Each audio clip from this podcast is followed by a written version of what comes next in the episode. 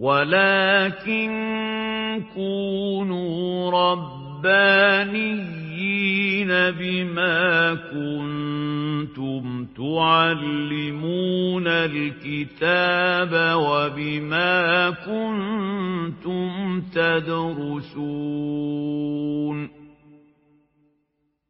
طيب يعني إحنا يعني سنضطر إلى التقديم بمقدمة نظرية ببعض الشيء عن الصحابة بإجمال وعن أبو بكر وعمر بخاصة وعن الراشدين اجمالا وعن بعض المفاهيم المتعلقه بالخلافة وبالرشد وحاجة متعلقة بالأغراض اللي المسلم آه، المعاصر في الوقت الحالي آه، تدفع دفعا آه، لكي يتعرف على أصحاب النبي صلى الله عليه وسلم.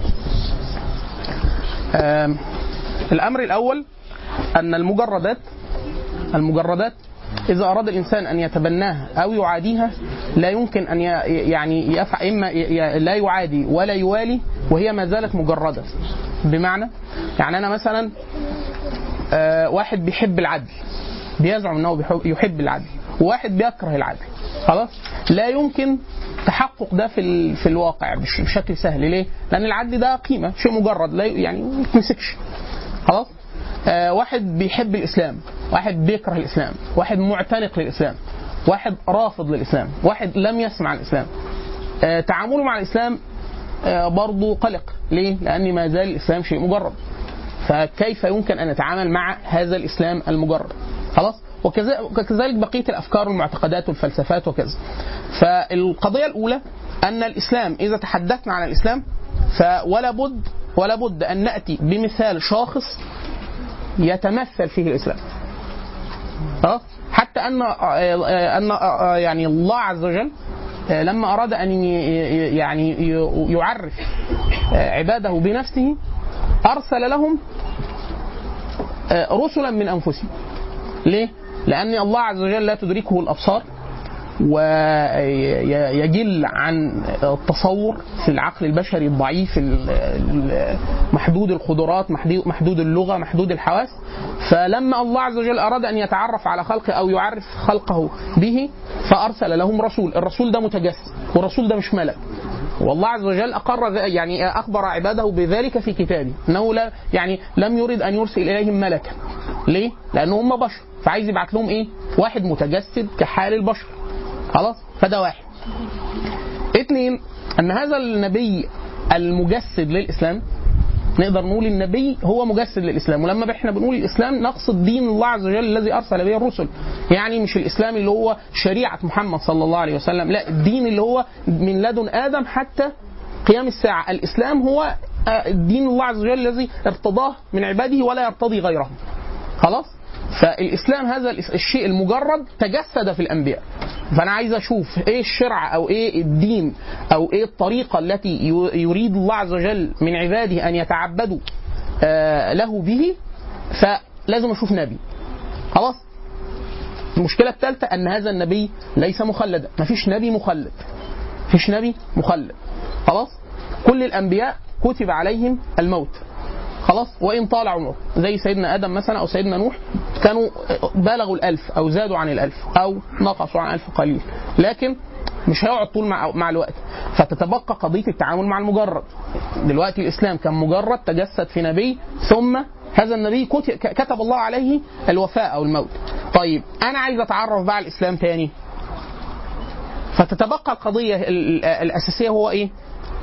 من يجسد الإسلام. من يجسد الإسلام. يعني فيما أخبر النبي صلى الله عليه وسلم به عن الأمم السابقة قال كانت بنو إسرائيل تسوسهم الأنبياء. يعني بنو إسرائيل يرسل الله عز وجل لهم رسولا. فالرسول ده يسوسهم. يسوسهم يعني إيه؟ يحكمهم ويدلهم على ما فيه الخير في الدنيا والآخرة. النبي ده مات كما يموت بني آدم. خلاص يرسل الله عز وجل لهم نبي آخر. لا. لا يبقى بني بنو إسرائيل بدون نبي. دي سنة الله عز وجل في بني إسرائيل. هذه السنة في بني إسرائيل. في شريعة محمد صلى الله عليه وسلم ليس هناك نبي بعد محمد صلى الله عليه وسلم. طيب مين اللي يخلف النبي في الأمة؟ هذه هذه هذه هي دي المدخل لتصور مفهوم الصحابة. مفهوم الصحابة إن العلماء في الإسلام هم ورثه النبي صلى الله عليه وسلم. خلاص؟ فهذا الامتداد للسلوك النبوي ولمفهوم النبوة ولما أتى به النبي صلى الله عليه وسلم يجب أن يتلمس في شيء متمثل على النا... في... دنيا الناس. التمثل ده وقع بشكل نقدر نقول إن مجمله يدل على النبي صلى الله عليه وسلم يعني وكأنه اللي فاته رؤية النبي صلى الله عليه وسلم لو شاف هذا الجمع وكأنه شاف اراء النبي صلى الله عليه وسلم آه. هذا الجمع نقدر نقول إن هو مجموع الصحابه ف- تمام؟ ده اللي هيجرنا ليه طب من هو الصحابي؟ ما أنا دلوقتي النبي خلاص أنا لم أرى النبي صلى الله عليه وسلم يعني أنا معاصر ما شفتش النبي صلى الله عليه وسلم وأمنت به أو أريد أن أؤمن به. يعني في واحد لسه أصلا عايز يتعرف على الإسلام فعايز يشوف برضه النبي ده فبقول له والله أنت مش هتشوفه لأنه توفي طيب ساب حاجة؟ فبنقول له آه. طب ممكن أشوف تمثل بشري؟ وهو بيفعل هذه الرسالة لأن أنا ما شفتش النبي وهو بيسلك هذا السلوك. خلاص؟ وممكن لما تقول لي قصته أقول لك والله ده أنت مش بتقول النبي آه وده مسدد من السماء. آه ولا تجوز عليه ال- ال- ال- المعصية والمخالفات وهكذا. آه ده معصوم فبقى فاقول لك لا اديني مثال تاني. فأنا عايز أدور على هذا المثال. فهذا المثال بإجمال هو الصحابة أصحاب النبي صلى الله عليه وسلم. طيب في إيه التصور اللي أنا وأنا داخل بيه؟ عايز ابقى يبقى واضح جدا في ذهني المتعلق بأصحاب النبي صلى الله عليه وسلم. واحد انه هناك عدة تصورات عن الصحابة في الامه، الأمة دي نقصد بها أمة الدعوة أمة الإجابة وحتى الفرق الضالة اللي موجودة في الإسلام، إن الإسلام دلوقتي من بعد وفاة النبي صلى الله عليه وسلم صارت الناس إيه؟ فرق وطائف فرق وطائف منهم من يدعي الإسلام وهو على الإسلام. ومنهم من يدعي الإسلام وهو مخالف لبعض الإسلام. ومنهم من يدعي الإسلام وهو مخالف لكثير من الإسلام. ومنهم من يدعي الإسلام وهو يبطن أعداء الإسلام. ومنهم من يدعي الإسلام وهو مظهر لأعداء الإسلام. خلاص؟ فرق وطائف كثيرة جدا. خلاص؟ لا تنحصر. لا تنحصر. تمام؟ طيب موقف كل هذه الطوائف أو الفرق من الصحابة اللي هم مدخل الإسلام أو النموذج المتجسد للرسالة التي أتى بها النبي صلى الله عليه وسلم موقفهم واحد؟ الإجابة لا. الإجابة؟ لا. يعني عندنا رؤية أهل السنة بالعموم آه أن الصحابة في مجملهم كلهم كده على بعض لا يجوز عليهم إن هم يجتمعوا على كذب وإلا تنقطع الرسالة. ليه؟ عشان الإسلام اللي كان مجرد فتجسد في نبي فتوفي النبي ولا نبي بعده لو انقطعت هذه الطريقة في التمثل أو استدعاء نموذج الإسلام يبقى مفيش إسلام. يبقى ربنا لا يريد شيء من العالمين بل ليس لله عز وجل حجة في الأرض على الناس. فلا يبد إن هو يكون في نموذج قائم. فلو سقط تماما وجود عصمة جمعية للصحابة جمعية مش أحدهم كلهم يعني كلهم لا يمكن أن يكذبوا على النبي فيما بلغ ولا يكذبوا ولا يكذبوا على على الله عز وجل فيما أمر. ولا كلهم يقعوا في شيء نهى الله عز وجل فيه الأمة بإجماع. مش ممكن يعملوا الثلاثه دول. بسبب التصور العقلي اللي إحنا قلناه الأول. إن هو لو عملوا كده يبقى إيه؟ رفعت حجة الله عز وجل على الناس في الأرض. ما فيش حد بيعمل الإسلام. طب يبقى ربنا عايز مراد الله عز وجل لا يمكن أن يتحقق. لأن أنا إيه؟ بتقول لي اعمل كذا. بقول لي هات لي حد يعمل ده. فلو كلهم يجتمعوا على ضلالة يبقى أنا ما عنديش إيه؟ ما عنديش نموذج يبقى ما فيش رسالة يبقى ما فيش ربنا أصلا. خلاص؟ عشان كده إحنا بنقول إيه؟ إن ده تصور السنة أهل السنة. خلاص؟ عندنا تصورات كثيرة بعد كده. خلاص؟ تقترب أو تبتعد من أهل السنة. في خلاف داخل جوه أهل السنة نفسهم وفي خلاف على حافة أهل السنة إنه ممكن موقفهم من الصحابة ليس الموقف الذي يرتضيه النبي صلى الله عليه وسلم. ليه؟ لأن أنا بكرر المعلومة دي تاني إن موقفنا من الصحابة هو موقف النبي وكأني عايز أستدعي النبي أقول له من ترتضي من هؤلاء؟ فأنا بشوف النبي قال إيه عن الصحابة دول وأطبقه فمن وافق تصوره تصور النبي صلى الله عليه وسلم عن الصحابة أو ما ما أمر به أو بلغ في حق الصحابة يبقى أنا بقول ده اللي هو سني، سني يعني على سنة النبي صلى الله عليه وسلم، أي على طريقه على نهجه حتى يلقى الله عز وجل يوم القيامة. كل ما يبتعد من هذا التصور عن الصحابة اللي هم مش مجموعة من الأفراد ده هم مجموعة من عبارة عن تمثل حقيقي للإسلام في في دنيا الناس بعد النبي صلى الله عليه وسلم بقول هو ابتعد بأنهي قدر من الجادة أو السنة أو الطريق المستقيم. تمام كده؟ ده كده تصور عام عن موق... ده التصور العام. إيه معنى الصحابة؟ الصحابة دول المفروض وظيفتهم إيه بعد النبي صلى الله عليه وسلم؟ ده واحد. اثنين أن هؤلاء الصحابة وللعجب هم النقل الوحيد الوحيد لكتاب الله عز وجل للناس. يعني النبي صلى الله عليه وسلم ليس كموسى مثلا عليه السلام ذهب الله عز وجل فالله عز وجل أعطاه ألواح فعاد بالألواح كاملة مثلا لبني إسرائيل. لا ده النبي صلى الله عليه وسلم جزء من آه، خصائص هذه الأمة أن القرآن كتاب عملي تفاعلي. يعني كل واقعة كانت تقع للنبي وأصحابه ركزوا قوي في العبارة دي أن كل واقعة كانت تقع للنبي وأصحابه كان ينزل فيها قرآن من فوق سبع سماوات يعني الله عز وجل ينظر إلى فعل النبي وأصحابه ثم يأمرهم بكذا أو ينهاهم عن كذا أو يجيز لهم كذا أو يسكت عن كذا رحمة لا نسيانا. فأنا عندي الصحابة دول هم اللي شهدوا التنزيل، خلاص؟ لم يعطينا النبي صلى الله عليه وسلم كتابا كتابا كاملا من دفة للدفة. وقال هذا هو كتاب الله عز وجل. فاقرؤوه وادرسوه وكذا. لم يعطينا هذا. بل نزل عليه منجما يعني على أجزاء وعلى فترات زمنية. نزل فيه وفي أصحابه. فيه وفي أصحابه. وهم من بعده نقلوا هذا القرآن. يعني يعني نرجع للنقطة الأولانية. أن هؤلاء الصحابة مأمونون. هؤلاء الصحابة مأمون على كتاب الله عز وجل؟ آه. إحنا ده تصور أهل السنة. أن هذا القرآن نقل عن طريق مجموعة كبيرة من البشر. هؤلاء هذه المجموعة الكبيرة من البشر مأمونة. استأمنهم الله عز وجل. أو ترك لهم هذا الفضل أن يحفظوا على الناس إلى يوم القيامة كتابه. فدي من أجل خصائص الصحابة. خلاص؟ هذا الكتاب هو عبارة عن سيرة هؤلاء الناس. يعني أنا عايز مثلا أتصور آيات القرآن وأنا ماشي أول ما تفتح أي كتاب تفسير تقول تلاقي إيه يقول لك إيه ونزلت في أبو بكر في أبي بكر نزلت في عمر نزلت في علي رضي الله عنه نزل هم هم مين دول؟ هؤلاء الذين خاطبهم الله عز وجل بالكتاب ثم صار بعد ذلك هذه الأحكام التي خطبوا بها عامة للناس حتى يلقوا الله عز وجل.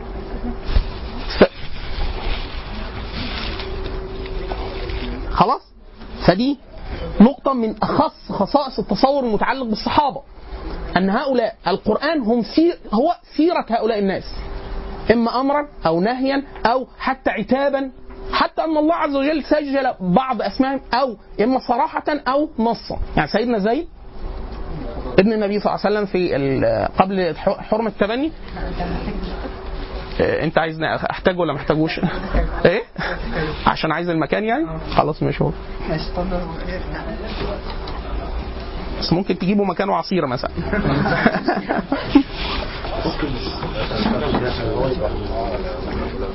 أنا إحنا بس ما زلنا حتى الآن في إحنا في في في, في مقدمة متعلقة ممكن هنسيب قبل ما. ندخل في شخصية أبو بكر أو الشخصيات هنسيب خمس دقائق تعليقات أو أسئلة تمام هذا التصور المتعلق بتسجيل سيرة هؤلاء الصحابة تسجيل حتى أن الله عز وجل سجل لنا شيء غريب جدا. يعني الآن لا تستطيع أن تجزم بدواخل الناس. يعني واحد أنت بتشوفه بتقول والله بيصلي بيصوم كويس حسن الخلق. تقدر تقول ان هو مؤمن كامل الإيمان؟ تقدر تقول ان هو مؤمن يدخل الجنة؟ القرآن سجل لنا هذا. إما هذا مؤمن هذا كافر هذا يريد هذا لا يريد سجل دواخل الصحابة. فالقرآن عبارة عن سيرة الصحابة وعن أعمال قلوب الصحابة. يعني هو مش شبك الصحابي كده وتقول والله هم شافوا النبي. لا أنا هقول لك ده شافوه. وهقول لك عملوا إيه. وهقول لك قالوا إيه. وهقول لك ما الذي وقر في قلوبهم وهم يفعلون ما فعلوا. حتى يقطع الله عز وجل الطريق على من؟ يتدخل فيه دواخل الصحابة. يعني في واحد يقول لك لا ما هو كان ماشي معاه ومش في قلبه مش كذا. فالله عز وجل رحمة بنا وبهم أخبرنا عن بواطن كمان قلوب الصحابة. خلاص؟ فأنا وأنا بتكلم عن أصحاب النبي صلى الله عليه وسلم بالإجمال بالإجمال أنا بتكلم عن أناس صاحبوا النبي صلى الله عليه وسلم رأوه رأوه جاهدوا معه تحملوا معه القرآن نزل فيهم القرآن بما فعلوا وبما في قلوبهم. ثم سجل عليهم. ثم وكل لهم الله عز وجل أن يجمعوا هذه السيرة بما لهم وما عليهم. يعني في صحابة فروا مثلا في أحد. من أجل الصحابة. لأن الإنسان نمط إنسان الإنسان إذا خاف فر. خلاص؟ فر. فالله عز وجل أمرهم بأن يجمعوا القرآن الذي كتب فيه فرارهم من أحد. فجمعوا. بل أمر النبي صلى الله عليه وسلم أن يبلغ الآيات التي أعاته الله عز وجل فيها النبي فبلغ وهو الصادق المصدوق. وكذا الصحابة أخبرهم بدواخله منكم من يريد الدنيا ومنكم من يريد الآخرة. مأمور إنه يجمعها ويكتبها للناس ويقول لهم منا من كان يريد الدنيا ومنا من كان يريد الآخرة بل وجمعوا. خلاص؟ ثم صار لهم أن يجمعوا له سنة النبي صلى الله عليه وسلم. ماذا قال النبي؟ ماذا فعل؟ ما الذي رآه وأقره؟ ما الذي أراه وأنكره؟ ما الذي أراه ويعني سكت عنه؟ توسع توسيعا على الأمة وكذا. فأنا عندي الصحابي ده بالنسبة لي هو العين التي أبصر بها فعل النبي صلى الله عليه وسلم. خلاص؟ ليس على سبيل الحكاية. يعني واحد بيقول لي ده النبي عمل كذا فيقول لي النبي جاهد وهو ما جاهدش. لا. النبي جاهد وهو جاهد معاه. طب لما النبي توفي استمر على جهاده. فأنا عندي نموذج إيه؟ تطبيق عملي مع اللي هو الفرض النظر الأولاني. طب إذا توفي هذا النبي الخاتم فما فيش نبي تاني زي بني إسرائيل يسوس الناس. طب مين بقى اللي أنا آخده كصورة نموذج أقدر أقول إن أنا أشوف عليه التطبيق أقيس عليه؟ هم إيه؟ أصحاب النبي صلى الله عليه وسلم. اجمالا. ليه إحنا بنقول اجمالا؟ لأن أصحاب النبي صلى الله عليه وسلم ليسوا سواء. ليسوا سواء في الفضل ولا في الدرجات وإلا كلهم مش في الجنة في درجة واحدة. خلاص؟ بل النبي صلى الله عليه وسلم أخبر بذلك بل القرآن أخبر بذلك. منهم الشهيد العالي جدا ومنهم الشهيد ومنهم المجاهد ومنهم المتصدق ومنهم من أصحاب من له ذنوب قد غفرها الله عز وجل وأخبره بذلك إما في الكتاب أو في السنة أو على لسان النبي صلى الله عليه وسلم. وكل وليسوا جميعا متساويين في العلم. لا في الفضل ولا في العلم ولا في السابقة للإسلام، منهم من تأخر إسلامه عشر سنوات، منهم من قاتل النبي صلى الله عليه وسلم عشر سنوات ثم قاتل معه، منهم من قاتل النبي صلى الله عليه وسلم طوال عمره ثم أسلم في وهكذا. خلاص فعندنا نماذج، ليه إحنا بنقول اجمالا اجمالا؟ لأن هذه الطبقة كل فيها من النور أجزاء، إيه هو النور اللي موز... اللي مبعثر أو مجموع فيهم كله؟ هو هو رؤيتهم للنبي صلى الله عليه وسلم. هو هذا هي الفضيلة. هذه الفضيلة. أنهم جميعا فيهم هذه هذا الجزء من النور من رؤية النبي صلى الله عليه وسلم ومن صحبته ومن دعائه ومن يعني لكم أن تتخيلوا لكم أن تتخيلوا. آه النبي صلى الله عليه وسلم طبعا يعني من خصائص النبي صلى الله عليه وسلم أنه مستجاب الدعوة إلا لو دعا على الناس بحكم العادة البشرية زي اللي بيعملوا الناس وإحنا بنتكلم. فالنبي صلى الله عليه وسلم آه، دعا الله عز وجل قال كل من يعني دعوت عليه أو كذا في عرض الكلام ولا أقصد فاجعله له يعني إيه دي مغفرة ورحمة وكذا. لكن النبي صلى الله عليه وسلم إذا دعا لأحد بخير أصابه. وإذا دعا على كافر بشر أصابه. فالنبي صلى الله عليه وسلم دعا لبعض الأصحاب قال لا فضل الله فاك. يعني لا تسقط أسنانك وكذا. فقعد بأسنانه لغاية ما كان سنه 100 سنة. خلاص؟ دعا أحيانا لبعض الناس بالبركة. فصار إذا سيدنا عبد الرحمن بن عوف كان إذا أراد يعني أكنه لو مس التراب صار ذهبا بسبب بركة دعوة النبي صلى الله عليه وسلم. فلكم أن تتخيلوا أن جزء من هذا النور المتعلق بالصحابة أن هذا الصحابي صلى وراء النبي صلى الله عليه وسلم. فقال النبي صلى الله عليه وسلم سمع الله لمن حمده. دي مسألة لازم تتصوروها عن الصحابة. إنه الصحابي ده عالم من أحد الناس راعي غنم بياع تاجر رجل له ذنوب له معاصي من الكبائر ودي دي من أخص خصائص تصور أهل السنة عن الصحابة بعيدا عن الطوائف الأخرى زي الشيعة وغيرهم. هنقولها دي. اللي هي فكرة إن الصحابة مجملهم أهل صلاح وأهل تقوى ومن أهل الجنة وكذا. أحدهم ممكن يقع في الذنوب وفي المعاصي وكذا كأحد الناس. خلاص؟ دي دي مهمة جدا. ان إحنا ما بنحبش ملائكة. إحنا بنحب بني آدمين. لكن هؤلاء هؤلاء الناس جميعا من شهد النبي بعينه من رآه بعينه فصلى وراء النبي صلى الله عليه وسلم فسمع النبي صلى الله عليه وسلم يقول سمع الله لمن حمده فقال ربنا ولك الحمد. خلاص؟ فده تصورك عن الصحابي إن الصحابي ده رأى النبي صلى الله عليه وسلم فاستمع لدعائه فأصابه. أصابته بركة دعاء النبي صلى الله عليه وسلم آه، بركة دعوة النبي للناس بالرحمة وكذا أصابه هذا أول الناس من هذا النور وهذا الفضل وكذا. ده اجمالا كده. خلاص؟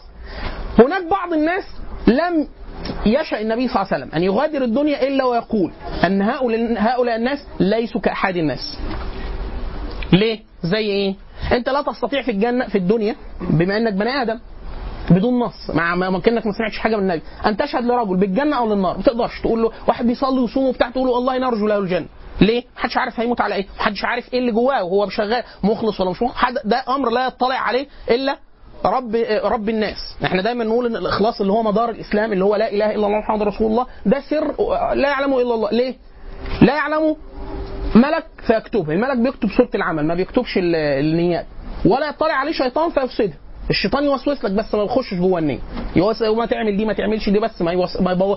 مش انت كنت عقدت النية ومظبوطة وراح داخل مش هخبط لك عليها ومبوظها لك؟ ما بيعملش كده. فلا يطلع عليها ملك ف... ف... فيكتبه. ولا شيطان فيفسد ولا صاحب العمل فيدعيه.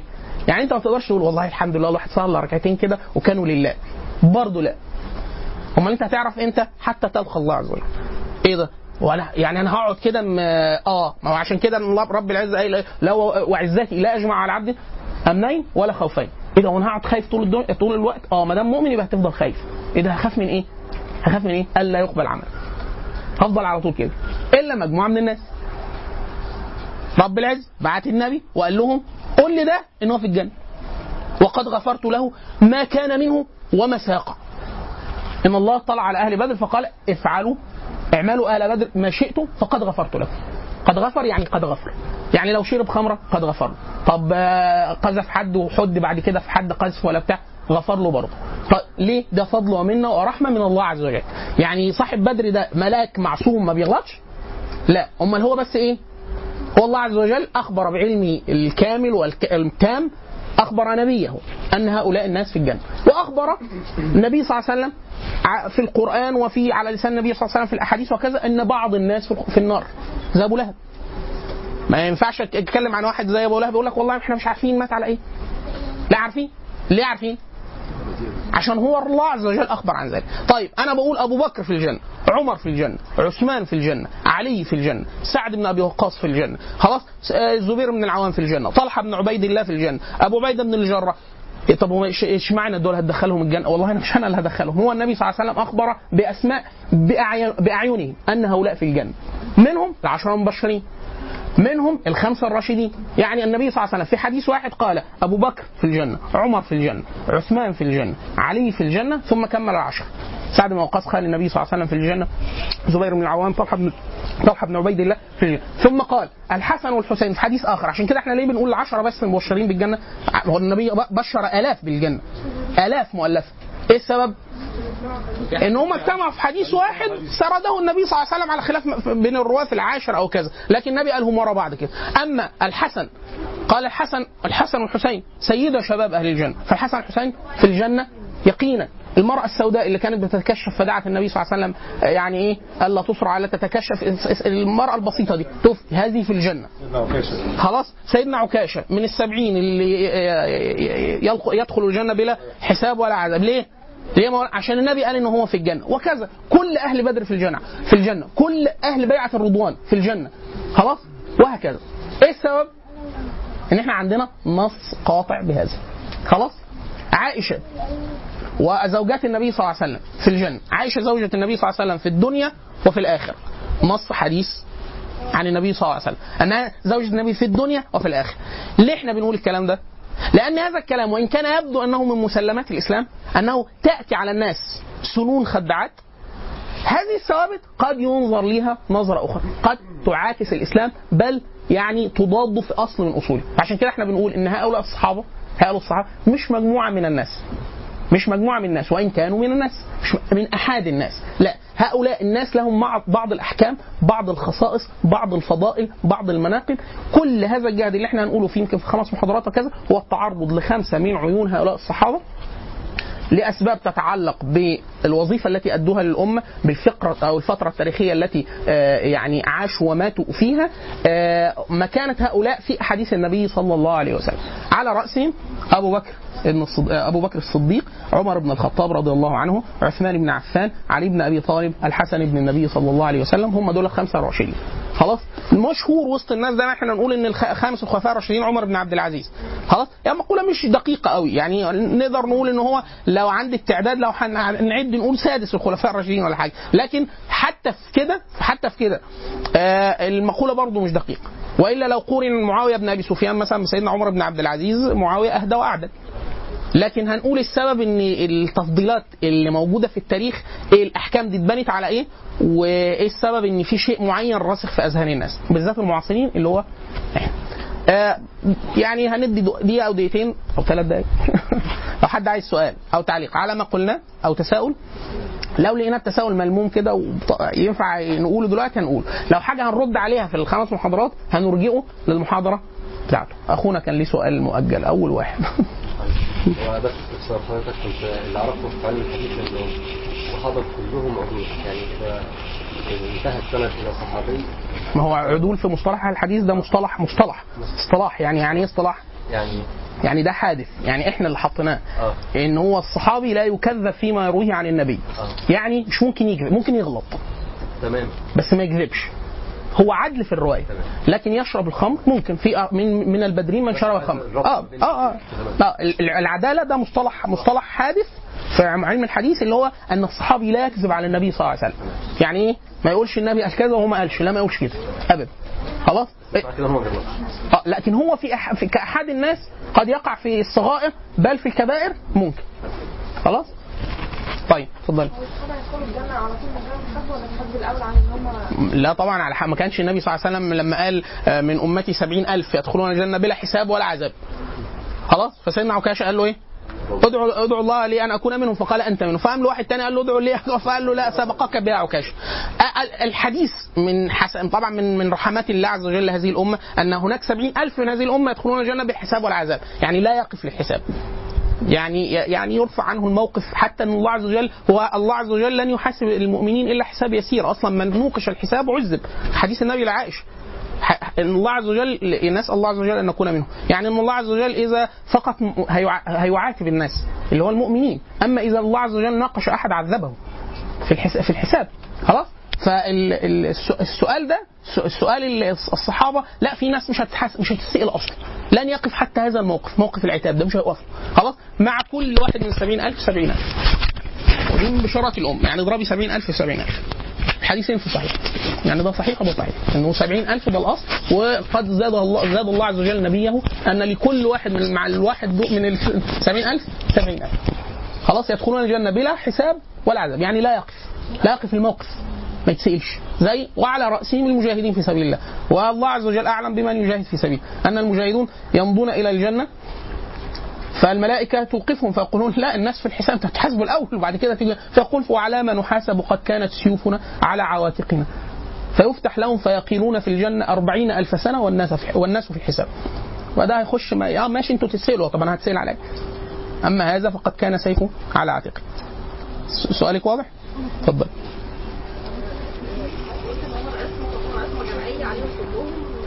أنهم أنهم هم حملة الدين. يعني الصورة الوحيدة الصادقة عن مراد الله عز وجل من خلقه كانت هي النبي صلى الله عليه وسلم.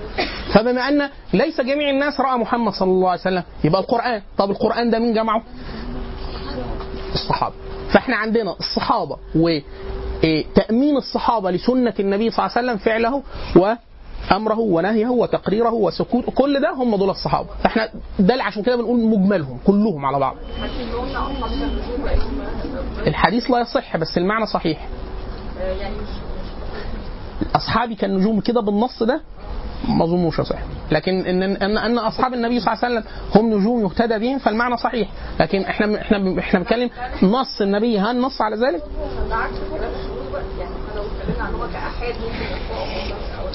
بقول ما هو عشان بقول لك الحديث لا يصح عن النبي صلى الله عليه وسلم بهذا النص.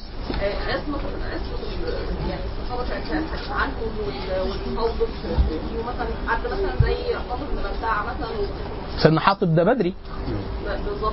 إحنا بقى كناس لما نيجي نتكلم بقى عنهم هل برضه ليهم يعني في الكلام السؤال ده كويس جدا. اما أجي أنا أتكلم مثلا عن صحابي فأقول إن في صحابي شرب الخمر.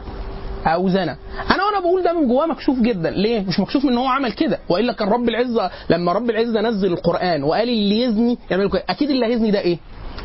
أكيد صحابي. أكيد صحابي لأنه هو القرآن نزل فيهم. فاللي هيجي له اللي يجلده النبي اللي هيجلده واللي هيشهد وبتاع ده كلهم صحابه فالقرآن ده نزل مش مجموعة من من الملائكة. أنا ليه بقى مكسوف أنا بتكلم عن واحد سمي له ذنب وسمي له ال- ال- الكفارة وقد غفر الله له.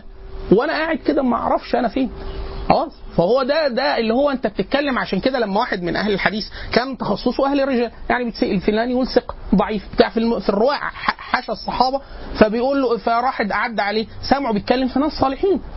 بس إحنا ما بنقول دايما الصلاح مش معناه إنه بيحفظ وان هو ما بينساش وإن هو ما يكونش آه، راجل طيب فممكن حد يدخل عليه حديث فيقوله من غير ما يت- توثق منه كذا. فالصلاح لا يعني الدقه والضبط والإتقان عند أهل الحديث.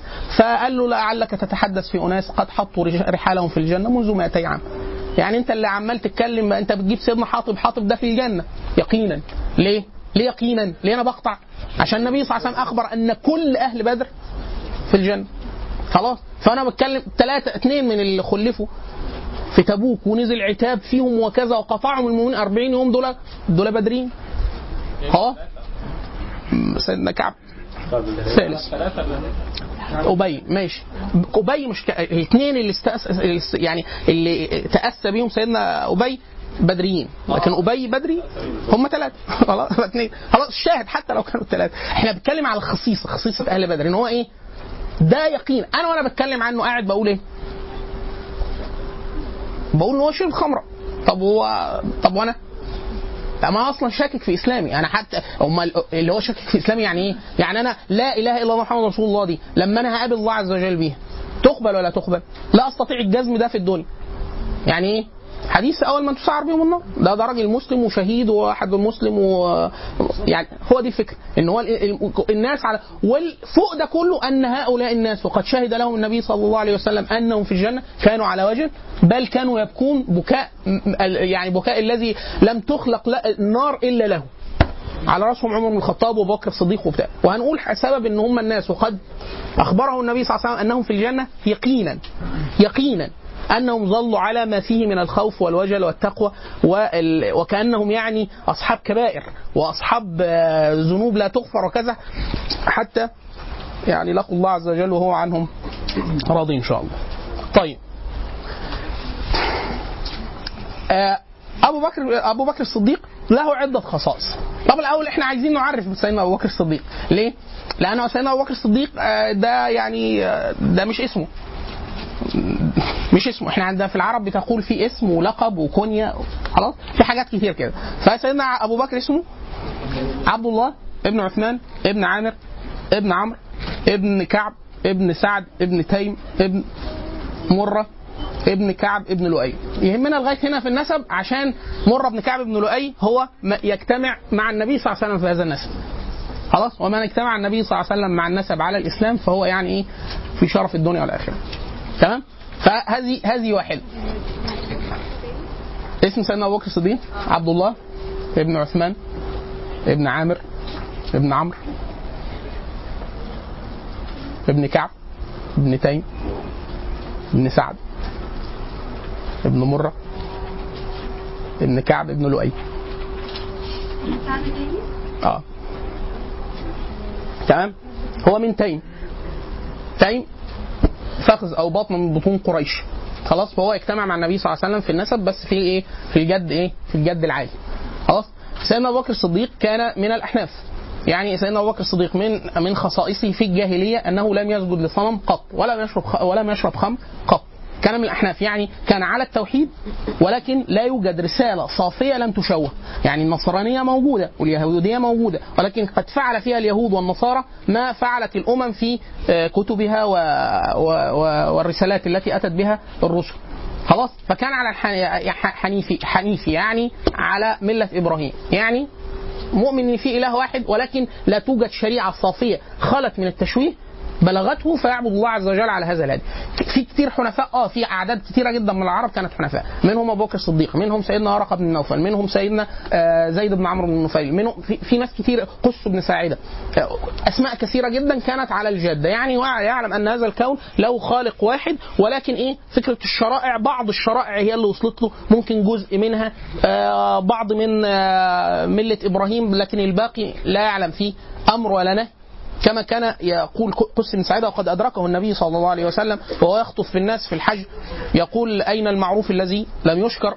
أين الظلم الذي لم يرفع؟ يقسم قس قسم بالله أن لله دينا هو أهدى له أهدى له من دينكم. هذا ثم يأخذ حفنة من التراب فيسجد عليها ويقول اللهم لو لو أني أعلم أن هناك يعني دينا أرضى لك من هذا آه، لعبدتك. بس ما يعرفش خلاص؟ فدول ده فسيدنا أبو بكر الصديق كان حنيفي وكان تاجرا. في في الجاهليه ودي جزء من صفات الصحابة. لو إحنا آه دي حاجة مهمة جدا. إحنا وإحنا بنتكلم عن مناقب الصحابة وخصائصهم وبتاع في حاجة مهمة جدا جدا جدا جدا يجب الانتباه إليها. وهي إحنا حاليا لو حد واحد تقول له تحب تطلع ابنك زي الصحابة فالرد في الإجمال يقول إيه؟ طبعا. خلاص. هنا بقى السؤال بقى طب ما أنا أنا نفسي أطلعه زي الصحابة. طب الصحابي ده كان إيه بالظبط؟ هنا المفاجأة. هنا الفوق. إن معظم الصحابة أو معظم كبار الصحابة كبار يعني في السن أو السابقين الإسلام وبتاع معظم الوقت اللي قضوه في الجاهلية أكبر من الوقت اللي قضوه في الإسلام. يعني سيدنا أبو بكر الصديق قعد هو أسلم وعنده 38 سنة. خلاص؟ 38 سنة 38 سنة غير مسلم. فأبو بكر اللي تلقى رسالة النبي صلى الله عليه وسلم وآمن به ولم يتلجلج وجاهد معه كل ده 38 سنة كافر. أو في جاهلي على حسب في صحابة لا كان بيعبد أصنام وكذا. في صحابة زي أبو بكر الصديق لا آه، مبرأ من ده. خلاص. طيب هنا السؤال. هنا السؤال. يبقى الجزء الجاهلية ده يلزمني؟ الإجابة؟ آه يلزمني. ليه؟ لأنه جزء مما تحدث به النبي صلى الله عليه وسلم. وهو يخبر هؤلاء الصحابة. قال لهم آه، يعني الناس معادن. فخيار في الإسلام؟ خيار في. خيار خيار في خيار في الجاهلية خيار في الإسلام. خلاص. فأنا المعادن دي أنا لازم أعرف الناس دي كان شكلها إيه؟ فلازم اعرف المعدن اللي هو معدنه في الجاهلية ده كان شكله إيه؟ ده واحد. اثنين اني أنا حاليا لو واحد مسلم بعرض عليه الإسلام أو طفل عايز اربيه على الإسلام فيقول لك والله إحنا عايزين نخليه يلعب رياضة ويتعلم خيل ويجاهد ونعلمه رمي و... النبي ما ما جاش للصحابة قال له بص الإسلام في جهاد تتدرب بقى. مفيش كده. ليه؟ الصحابي ده كان عربي. عربي يعني إيه؟ يعني فصيح. القرآن نزل بلسان هذا الرجل فما تعلمش العربية ولا حاجة. اتنين كان أصلا رجل حرب ويركب الخيل ويجاهد وكذا. آه، الأشياء اللي أمره قال له تزكي. ما قالوش تتاجر إزاي؟ يعني مفيش كورس اقتصاد. لا أنت تزكي إزاي؟ فهو الصحابي ده كان مكتمل قبل مجيء الإسلام. عشان كده النبي صلى الله عليه وسلم كان واضح جدا. بيقول إيه؟ إنما بعثت لأتمم صالح الأخلاق أو مكارم الأخلاق. طب أتمم دي يعني إيه؟ في أصل. الأصل ده هو إيه؟ ما تع... لازم تعرفه عشان تبني عليه. يعني في واحد يقول لك إيه؟ والله النساء أمروا بالحجاب. إيه اللي تقدر تعرفه في الإسلام؟ وصف الحجاب في الإسلام أو شروطه لو ما كانش له وصف دقيق. طيب هم كانوا بيلبسوا إيه في الجاهلية؟ عشان نعرف عاداتهم. ليه؟ لأن إحنا دايما حاليا عندنا نزاع كبير جدا في إيه؟ في شكل الحاجة وتتعمل بيها إيه؟ يعني شكل الحاجة خلاص. أنا مثلا عرفت إن النبي كان مطول ده. خلاص اطول. خلاص؟ أيوه الناس بقى كانت بتعمل إيه بدقونها زمان؟ يعني ال- اليومي. بيحلقوها ما بيحلقوهاش. بيدهنوها ما بيدهنوهاش. آه، بيسرحوها ما بيسرحوهاش. لو بيسرحوها يحطوا عليها حاجة بيحطوا عليها إيه؟ ده كله داخل فين؟ في معرفة حياة العرب قبل الإسلام. طب العرب كان بتحارب إزاي؟ كانوا بتعاهد إزاي؟ كان بتحالف إزاي؟ مش ممكن أفهم النبي عمل إيه في السرايا والغ... والغزوات وكذا وبتاع إلا لما أعرف إيه؟ فأنا نفس الحكاية. أبو بكر الصديق ده اللي أنا عايز أتأمل في سيرته والخليفة الراشد وصاحب النبي صلى الله عليه وسلم وأكثر أهل ال- الإسلام إيمانا وكذا. ده 38 سنة في الجاهلية. 38 سنة يعني اتعلم عربي واتجوز و... ده اتجوز وخلف حتى في الجاهلية. خلاص؟ فأنا عايز أعرف مين أبو بكر الصديق ده فين؟ في الجاهلية. فأنا موضوع الجاهلية ده يلزمني مع كل الصحابة. مع كل الصحابة. عشان كده إحنا بنقول إيه؟ مع أحوال العرب في الجاهلية من صميم المعرفة بالإسلام ليه؟ أنا عايز النبي صلى الله عليه وسلم قعد 40 سنة قبل النبوة، أنا عايز أعرف ال 40 سنة دول كان فيهم إيه؟ المجتمع اللي جاله النبي صلى الله عليه وسلم ده يدعوه يدعوه، المجتمع ده كان بيفكر إزاي؟ خلاص؟ ليه أمروا بهذه الأوامر ولم يؤمروا بغيرها؟ ليه نهوا عن هذه النواهي ولم ينهوا بغيرها؟ وهكذا، أنا عايز أعرف هم كانوا بيعملوا إيه؟ ليه؟ عشان أعرف أميز أميز لما أجي أنا حاليا أعيد مخاطبة الناس بالإسلام أعرف إيه اللي كانوا خطبوا به بسبب وضعهم وقتها وممكن يكون ده مش وضعي فممكن يكون ده كان له علاقة بس بوضعهم دلوقتي ده مهم جدا. إيه الحاجات اللي أنا دلوقتي حاسس بحيرة شديدة جدا لأن أنا مش عارف آه، هم عملوها إزاي؟ يعني أقول لك إيه؟ سيدنا خالد بن الوليد آه راح وفتوحات العراق وبتاع. طب خالد بن الوليد ده اتدرب فين؟ ما أعرفش. طب خبرته العسكرية جابها منين؟ ما أعرفش. طب هو كان. ما أعرفش ولا أي حاجة عنه تكوينه إلا لو عرفت إيه؟ جاهلية خالد بن الوليد لأنه في الإسلام دخل قائد على طول. فأنا مش هي... في الإسلام مش هي... يعني أنا أعرف مناقبه آه، فضائله آه، أفعاله. طب هو عمل كده إزاي؟ وصل كده إزاي؟ يعني أنا عايز أخلي طفل زي خالد بن الوليد. والله ارجع ادرس الجاهلية. أنا لا عايزه لما أسلم ما اشوفه وهو كافر وبعد كده أشوفه بقى إيه؟ أفعاله في الإسلام. لأن كل الاستعداد بتاعه كان في الجاهلية. تمام فدي نقطة مهمة جدا خلاص سيدنا أبو بكر الصديق كان من تجار الصحابة، الصحابة فيهم ناس كانوا بسطاء الحال، منهم كانوا عبيد وحرروا، منهم ناس كان من أشراف أقوامهم، منهم ناس من التجار وال- اللي- وجوه الناس وأشرافهم كذا، منهم أبو بكر الصديق. يعني سيدنا أبو بكر الصديق كان في الجاهلية مثلا في حاجة اسمها الحمالات.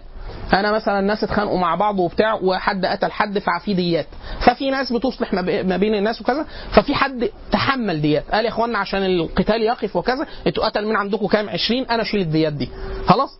فمين يسعى يقول للناس يا اخوانا جمعوا فلوس وفي ديات وعايزين يعني إيه آه، القتال لا يستشري وكذا وبتاع. من الناس اللي كانت تصدق في المال؟ أبو بكر الصديق.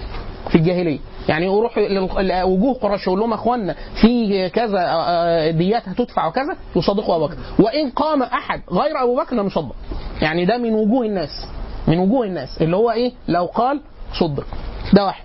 سيدنا أبو بكر الصديق آه، طبعا معظم كعادة العرب يعني دايما الصحابة إحنا بنأرخ لهم نادر ما نلاقي واحد يتجوز واحدة أو اثنين نادر. نادر جدا. ليه؟ ده متعلق بحياة العرب. بح... بهيئة حياة العرب. دي مهمة جدا. هيئة حياتهم. خلاص؟ وهيئة نظامهم الاجتماعي. ده الإسلام. في الإسلام مثلا في حاجات مثلا زي الجهاد والزواج. ما أقدرش أتصوره غير لو شفت الجاهلية. مثلا أقول لك إيه؟ الإسلام جه أمر جواز سمح بجواز أربعة. ده كتير قوي. لما يجي يعرف حال الإسلام يعرف الإسلام جه أضيق عليهم. يعني واحد بيتجوز 20 40 فالإسلام قال له طلعهم كلهم. إلا أربعة. خلي اربعه خلاص فده إيه؟ الجهاد. واحد يقول لك بس الجهاد ده بس فيه سفك دماء وكذا. لو شاف ان الصحابه ده كان بيصحى الصبح يقتل اي حد يقابله وهو كافر وهو في الجاهلية. لما جه الإسلام قال له على فكرة يعني مش هتقتل كل الناس الكفار بس. قال لك اقتل كل الكفار؟ قال له لا مش الكفار كلهم. أمال مين اللي قال لك اللي بيحارب بس؟ قال لك آه يعني أي حد هيروح أ- أ- بيحاربني ورفع سلاح في وشي هو ده اللي هقتله. بس. طب لو ضايقني ورفع السلاح في وشي لا.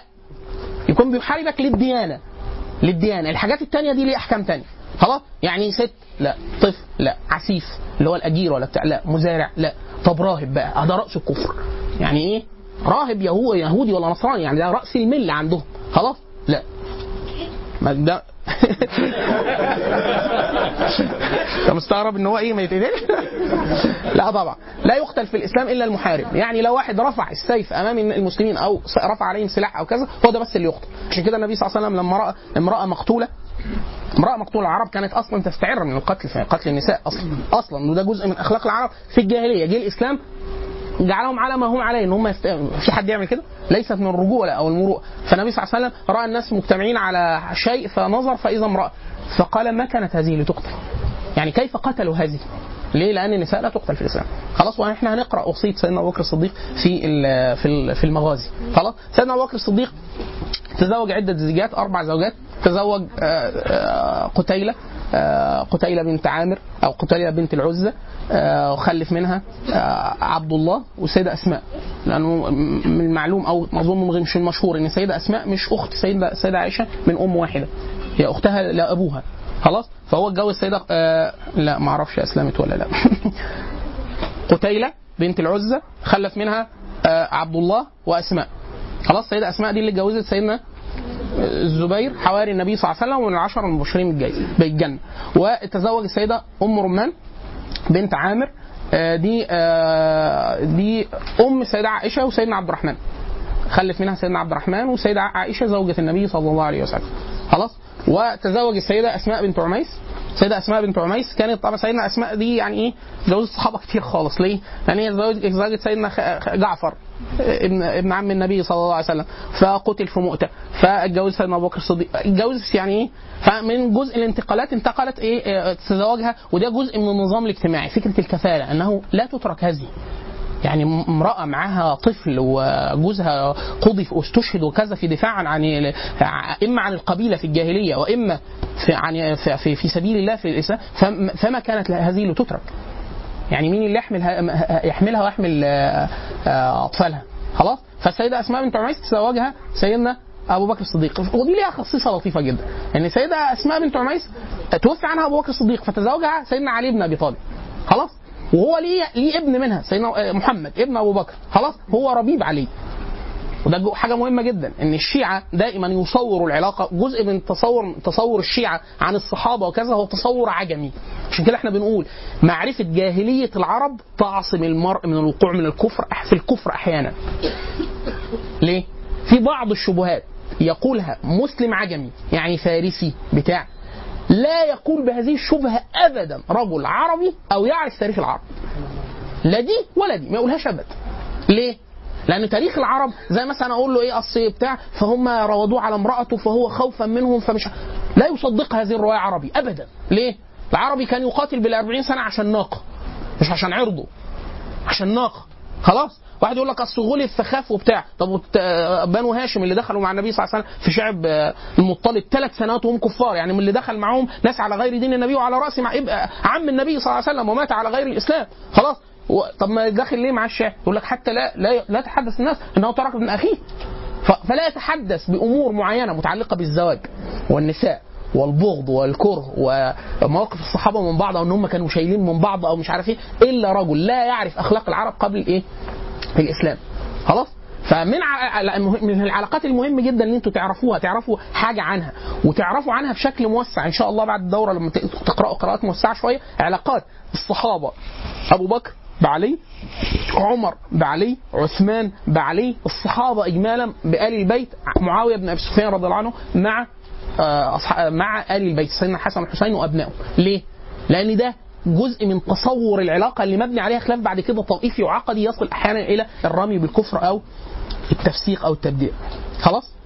فسيدنا أبو بكر الصديق تزوج السيده أسماء له منها محمد محمد ده ربيب علي. يعني الربيب اللي هو تربى في حجره وليس منه يعني مش مش مش مش ابنه من صلبه يعني. خلاص؟ وتزوج آه، بعد كده ح- يعني برضه امرأة ثانية منه منها له منها أم كلثوم. آه، أم كلثوم دي لم يرها أبو بكر الصديق. يعني ولدت بعد وفاته يعني هو بنى بامرأته وولدت بعد وفاته وتزوجها سيدنا طلحه بن عبيد الله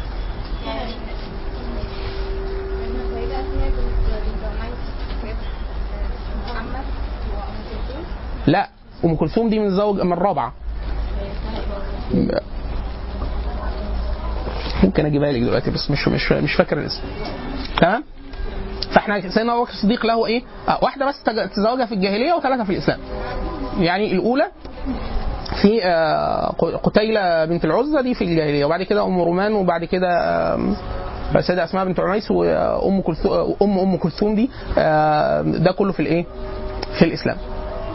طيب آه، سيدنا أبو بكر الصديق آه، يعني جزء من آه، أجل مناقب سيدنا أبو بكر الصديق قول النبي صلى الله عليه وسلم فيه أنه ما عرض الإسلام على أحد قط ما عرض الإسلام على أحد قط إلا كان له إحجام يعني تردد يفكر وبتاع إلا أبو بكر الصديق.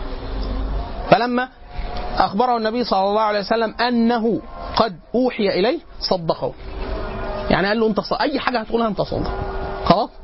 حتى هو ده جزء من الصديقية. يعني إحنا بنقول سيدنا أبو بكر الصديق هو اسمه عبد الله كنيته آه، أبو بكر. لقبه أحيانا يسموه عتيق. خلاص؟ لكن الكنيه الأساسية بتاعته ال- يعني لا يذكر إلا بها الصديق. وإذا قيل الصديق انصرفت م- مباشرة مباشرة لأبو بكر الصديق. بسبب إن هو فكرة التصديق الكامل بلا إحجام.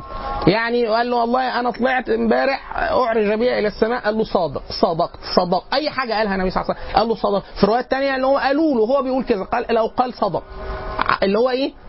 لا حتى دي دي حاجة مهمة جدا يا اخوانا في تصور سيدنا أبو بكر الصديق إن هو لم يصدق فقط بما رآه ولا ما سمعه. ده هو تصور النبي صلى الله عليه وسلم عنه أنه لو سمع كذا لصدقه.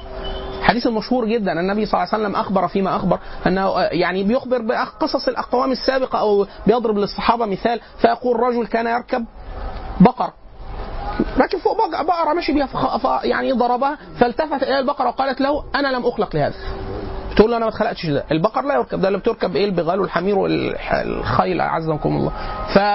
فالناس اللي قاعدين مع النبي صلى الله عليه وسلم منهم واحد قال له إيه؟ قال له سبحان الله. بقرة تتكلم؟ يعني فالنبي صلى الله عليه وسلم قال له أنا أؤمن بهذا وأبو بكر وعمر. ولم يكون ثم يعني لم سيدنا أبو بكر وعمر مش قاعدين بس بيقول له على فكرة أنا مؤمن بده. واللي أنا ضامن يقينا إن هم لو قاعدين هيصدقوني أبو بكر وعمر. دول اللي هم إيه؟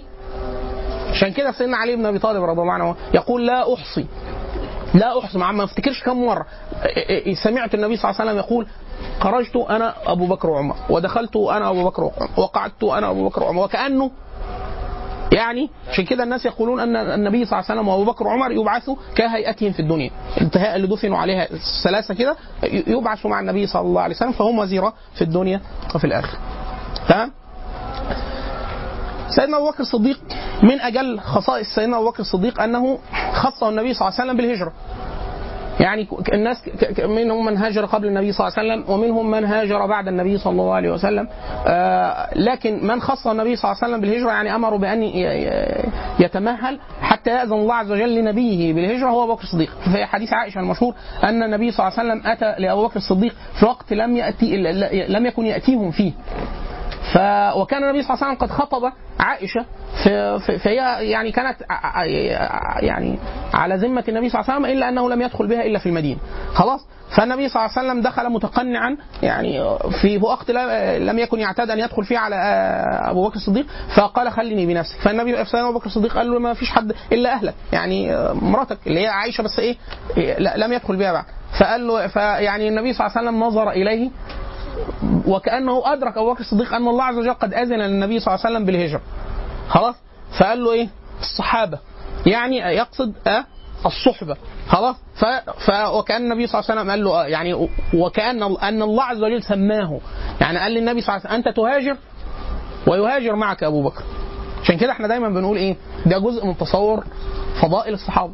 الصحابي اللي جه للنبي صلى الله عليه وسلم فالنبي صلى الله عليه وسلم سيدنا كعب. لما قال له إيه؟ قال له تعالى وكان من اقرا الصحابة. قال له اقرأ علي. ف فقال له يعني عليك أنزل. فقال له لا إن الله عز وجل أمرني أن تقرأ علي. فاستعبر الصحابي بكى. قال قد سماني الله عز وجل. يعني هو قال لك كده كده؟ قال لك كعب. قال لك يجي يقرأ عليه خلاص؟ وكذا. فالسيده عائشة بتقول وما كنت أظن أن هناك بكاء للف- للفرح. ممكن واحد يبكي من الفرح. إلا بعد ما رأيت أبو بكر الصديق لما رأى لما أخبره النبي صلى الله عليه وسلم أن الله عز وجل قد أذن له بصحبته في الهجرة فبكى سيدنا أبو بكر الصديق من فرحا بأنه سيهاجر مع النبي صلى الله عليه وسلم. ها؟ حبيبي آه، طيب يا جماعة اولا أنا بعتذر إن إحنا الدنيا زحمة جدا والدنيا حر جدا ولقيناكم إن شاء الله المرة الجاية هنعمل القاعه اللي تحت تمام فده اعتذار منا يعني تمام؟ لا اعتذار. إيه؟ في عصير مية بتاع. إيه الاعتذار؟ إيه؟ ما أنت بص شيخ أنس شيخ أنس كان يقول لك إيه ال- الحاجات دي بركتها قليلة. سبب النظرات. قلت لنا شوية مية وعصير طيب إيه؟ والله ده شوف. إيه؟ يعني هاتوا عدد بحيث لو كل آه، 20 اجتمعوا في ازازه تقديرا كده تقديرا. يعني 90 مية 90 عصير يعني 30 ميه مثلا. 30 عصير كده. آه، ومن خصائص أبو بكر الصديق رضي الله عنه آه، أنه آه، أنه ما خير قط بينه وبين النبي صلى الله عليه وسلم أو بينه وبين دين الله عز وجل إلا واختار يعني الله ورسوله عما سواهم. خلاص؟ يعني سيدنا عمر بن الخطاب يعني موقفين يوضحوا الفروق. الصحابة أبو بكر وعمر دول في الجنة يقينا. خلاص؟ وهم وزيراي النبي صلى الله عليه وسلم. لكن عايزين فارق. فارق هو حتى عمر نفسه قال. سيدنا أبو بكر سيدنا أبو بكر الصديق عمر بن الخطاب لما النبي صلى الله عليه وسلم كان ماشي معاه فبيقول له يعني لا يتم إيمانك أو لا يكتمل إيمانك إلا إيه؟ أكون أنا أحب إليك من مالك وولدك ونفسك سيدنا عمر الخطاب في الأول لم يجيبوا إلى نفسه يعني قالوا لا يعني مالي وولدي ماشي. لكن فكرة إن أنا أصل أنتوا عارفين المعنى طبعا هو إحنا لو قاعدين كنا هنقول آه طبعا يعني اللي هي فكرة آه, آه لا أكيد. خلاص لا هي فكرة إن هو إيه لا لا نفسك نفسك. يعني أن أنت أنت أقول لك تدخل فتقتل حتى تزود عن النبي صلى الله عليه وسلم. آه الصحابي قال له والله ولا شوك. يعني لو النبي صلى الله عليه وسلم هيشاك شوكة وأنا أقتل أبال ان أن لا يشاك النبي صلى الله عليه وسلم هذه الشوكة لا وددت أن قتلت ولا يشاك النبي صلى الله عليه وسلم هذه الشوكة. سيدنا خب... آه، خبيب. خلاص فالشاهد إن هو إيه؟ إيه، إن هو الإحساس ده شعور. فسيدنا عمر استمهل شوية وبعد كده قال له إيه؟ ومن نفسي فالنبي صلى الله عليه وسلم قال الآن عمر. الآن يكمل ايمانك لأنه لا يتم إيمان المرء إلا وصل إلى الشعور. وده شعور قلبي. خلاص. لما أت- أت- النبي صلى الله عليه وسلم يعني آه، رغب في الجهاد في في غزوة العسرة وكذا فكل الناس إلا اتى بربع مال وخمس مال. والنبي دعا لكل الناس. على راسهم على رأسهم عثمان قال اللهم يعني ارضى عنه فإني عنه راض اللهم ما ضر عثمان ما فعل بعد اليوم من كتر بذله. لما عمر الخطاب جاء بنصف ماله قال إيه؟ حتى أسبق أبو بكر الصديق. نصف ماله. فلما سأل النبي صلى الله عليه وسلم الناس ثم سأل أبو بكر كم تركت لأهلك؟ أو ماذا تركت لأهلك؟ قال تركت لهم الله ورسوله. اللي هو إيه؟ جاب ماله كله. خلاص ودي دي حاجة مهمة جدا. ممكن يكون أي مال اتدفع أكتر من مال أبو بكر كله. بس إحنا دايما بنقول سبق درهم مئة ألف درهم. يعني الدرهم اللي دع مال أبو بكر ده ماله كله. تركت لهم الله ورسوله. الله ورسوله. خلاص؟ دي حاجة. اثنين حديث النبي صلى الله عليه وسلم سيدنا أبو بكر الصديق لما هاجر مع النبي صلى الله عليه وسلم قبل بلوغ النبي صلى الله عليه وسلم المدينة أدركه الطلب. تمام؟ كان أحد الفرسان وهو أسلم بعد ذلك وحسن إسلامه هو سيدنا سراقة ويعني شارك في الفتوح في العراق وكذا لكن هو أدركهم. فلما أبو بكر الصديق أدرك أنهم قد أدركوا بكى فالنبي صلى الله عليه وسلم قال له يعني إيه؟ يعني فهد يعني هدأ امرأة وقال إن يعني إن الله معنا يعني. فسيدنا أبو بكر الصديق قال ما أبكي على نفسي ولكن أبكي عليك. يعني أن سيدنا أبو بكر الصديق ما كان يخشى أن يقتل هو ويأمن رسول الله صلى الله عليه وسلم ولكن يخشى أن يقتل النبي صلى الله عليه وسلم. خلاص؟ وكان كل ذلك قبل آية العصمة يعني النبي صلى الله عليه وسلم في أول الأمر كان هو لا هو يعلم أنه قد يجوز عليه القتل في الدنيا وكذا الصحابة. حتى نزلوا والله يعصمك من الناس. خلاص؟ لأنه الصحابة في طول الوقت هم ماشيين كانوا يحرسون النبي صلى الله عليه وسلم وينامون أمام البيت ويسلون سيوفهم والنبي صلى الله عليه وسلم نائم حتى يأمن. وفي أحد لما أخبروا بأن النبي قتل صدقوا ذلك لأنه لم يكن يتصور لسه أن النبي معصوم عصمة كاملة يعني حتى من القتل. فلما نزلت آية العصمة خرج له النبي صلى الله عليه وسلم وقال يعني إيه؟ انصرفوا. وقد عصم. عصم يعني حتى من أراده أن. من أراده بالقتل لا يقدر على ذلك. حديث الأعرابي لا أن النبي صلى الله عليه وسلم نام تحت ظل شجرة فاستيقظ فإذا أعرابي مخترطا سيف النبي صلى الله عليه وسلم وعلى فوق رأس النبي صلى الله عليه وسلم. فيقول من يعصمك مني؟ وهو ليس على دين الإسلام. فالنبي صلى الله عليه وسلم قال الله خلاص فاهتزت يد الأعرابي وسقط السيف فأخذه النبي صلى الله عليه وسلم السيف وعلاه على رأسه وقال من يعصمك مني؟ فيعني أخذ يعني يترحم النبي صلى الله عليه وسلم فعرض النبي صلى الله عليه وسلم عليه الإسلام فقال لا فقال ألا تقاتل؟ يعني قوما يقاتلونني فقال نعم. فأخذ النبي صلى الله عليه وسلم عليه عهدا ولم يسلم هذا الاعرابي خلاص الشاهد ان أبو بكر الصديق هذه الخصيصة خصيصة قلبية. ليه إحنا بنقول كده؟ أنا بقول عايز أبقى زي الصحابة. فأنا أقدر أشوف الجزء الجاهلي بتاعه كيف تربى في الجاهلية. خلاص؟ يعني هو أبو بكر كان سخي وكريم وحيي وتاجر ورجل صاحب شرف ومروءة وكذا في الجاهلية. ده ممكن أدركه بالتاريخ. خلاص؟ وأدرب نفسي على هذه الخصال. وفي الإسلام النبي صلى الله عليه وسلم يعني أخبر رحمة بالناس أن من جبل على طبع يستطيع أن يتغير. واحد يقول لك أنا بخيل. بخيل. ربنا خلقني بخيل. آه الحلم بالتحلم والعلم بالتعلم. ومن يتحرى الخير يعطى ومن يتقي الشر. يعني أنا بخيل. ممكن أبقى كريم؟ ممكن. خلاص. أنا خبيث النفس. ممكن أبقى سخي النفس؟ ممكن. أنا راجل حسود. ممكن أبقى راجل مش عارف. آه ممكن. خلاص كل وإلا الله عز وجل ما كانش عذب الناس ولو كانوا مجبولين لا يستطيعون رفع الخصال عن أنفسهم. خلاص. ومنها الكفر. كفر نفسه ما خصله طبعا أظلم الظلمات. خلاص؟ فسيدنا أبو بكر الصديق ده الجزء. طب الجزء اللي أنا عايز احكيه بقى اللي هو المهم جدا اللي هو إيه؟ القلبي فالله عز وجل رحمة بنا أخبرنا على ما كان في قلب أبو بكر الصديق. من حبه للنبي صلى الله عليه وسلم ولحبه لله عز وجل وبذله نفس نفسه في سبيل الله عز وجل. خلاص؟ طبعا ده ده ده الميزة إن هو إيه ذكر لنا صراحة يعني يوصف أبو بكر شكلا وخلقا وقبل وبعد وقلبه قلب أبو بكر لأني دائما أهل السلوك دائما يقول يعني أبو بكر الصديق لم يسبق الناس بكثرة صيام ولا صلاة وإلا في كثير جدا من الأمة يصلي ويتصدق ويصوم أكثر من أبو بكر الصديق خلاص ولكن بإيه؟ شايف الوقر الوقر في القلب ده هو بقى إيه؟ هو ده محل محل إيه؟ يعني هو ده اللي بتعمل فيه الناس خلاص؟ ده هو ده اللي بتعمل فيه إيه؟ بتعمل فيه الناس طيب. آه في حاجة مهمة جدا في من خصائص أبو بكر الصديق أنه وصف بما وصف به النبي صلى الله عليه وسلم. يعني النبي صلى الله عليه وسلم السيده خديجة زيها زي إحنا إحنا بنتفرج على السيرة أو بنقرأ السيرة وخلاص وقد انتهت أمامنا العرض كاملا ونزل القرآن وتمت النعمة وكذا خلاص. لكن سيدنا خديجة دي جاي لها جوزها اللي هو واحد من احاد العرب. أمين صادق صاحب مروءة بتاع بس هو ده محمد زوجها. فيش لسه محمد النبي. خلاص؟ بعد كده قال لها إيه؟ لقد خشيت على نفسي. فقالت له إيه؟ قالت له لا والله لا يخزيك الله أبدا. فإنك لا تصل الرحم وتحمل الكل وتعين على نوائب الدهر. خلاص؟ هذا ما وصفه. ابن الد- الدغنة للنبي لأبو بكر الصديق نصا. يعني أبو بكر الصديق لما أكثر الناس في ايذائه وقد سبق بعض ال- ال- القرشيين أن هاجروا إلى الحبش منهم سيدنا عثمان بن عفان وبنت النبي صلى الله عليه وسلم. حتى النبي صلى الله عليه وسلم قال في عثمان يعني سان من ثاني رجل هاجر بأهله في في الله بعد نبي نبي الله لوط آه، آه، بعد نبي الله إبراهيم آه، عثمان بن عفان. خلاص؟ فسيدنا أبو بكر الصديق أستاذ وهو كان مش من شرفاء من من وجوه الناس وكذا استثقل أذية الناس له والامتهان وكذا فأراد أن يخرج. فرآه ابن الدغنة فقال له ما الذي أخرجك من قوم فقال أذ- أذوني. قال فقال لا والله مثلك لا يخرج. فإنك ووصفه بما وصفت به خديجة النبي صلى الله عليه وسلم. خلاص فقال لا وتعود في جواري. وهو كان كافرا. لم يؤمن. ولكن أدخل أبو بكر الصديق فأخبر القرشيين أنه في جواره فمن آذاه آذوه ويقاتل في سبيله ودي من خصائص العرب في الجاهلية أن الرجل كان قد يقتل في سبيل شرفه ومرأته العربي. عشان كده إحنا دايما بنقول إيه الصحابة إحنا أحيانا بنستثقل جدا اللي عملوه الصحابة. جدا. البذل والقتال وبتاع.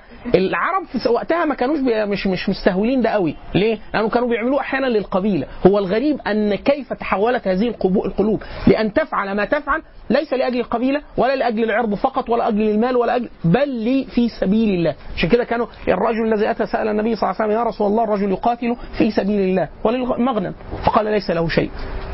فالناس قالوا له لا ارجع بس يمكن النبي ما فهمش منك اسأله تاني. فقال له يا رسول الله الرجل يحارب في سبيل الله أو يقاتل في سبيل الله وللمغنم. فقال ليس له شيء. فسأله ثاني فقال ليس له شيء. وحديث العمدة في الإسلام بعض بعض العلماء على رأسهم الشافعي رضي الله عنه يقول ثلث الإسلام ونصف الإسلام إنما الأعمال بالنيات. ليه إنما الأعمال بالنيات؟ إن هو ده اللي هو كلمة الإخلاص لا إله إلا محمد رسول الله أن ينقى العمل من كل شرك وكل أي نصيب إلا لاي أحد حاشا الله عز وجل. فهو كل أعماله خالصة لوجه الله عز وجل. تمام؟ طيب. آه فالعربي ده تحوله القلبي ده هو كان المفاجئ إن هو فعل ما فعل مش إن هو يقاتل ولا يتحمل إيذاء بدني ولا كذا لا هم كانوا بيعملوا كده أصلا إيه؟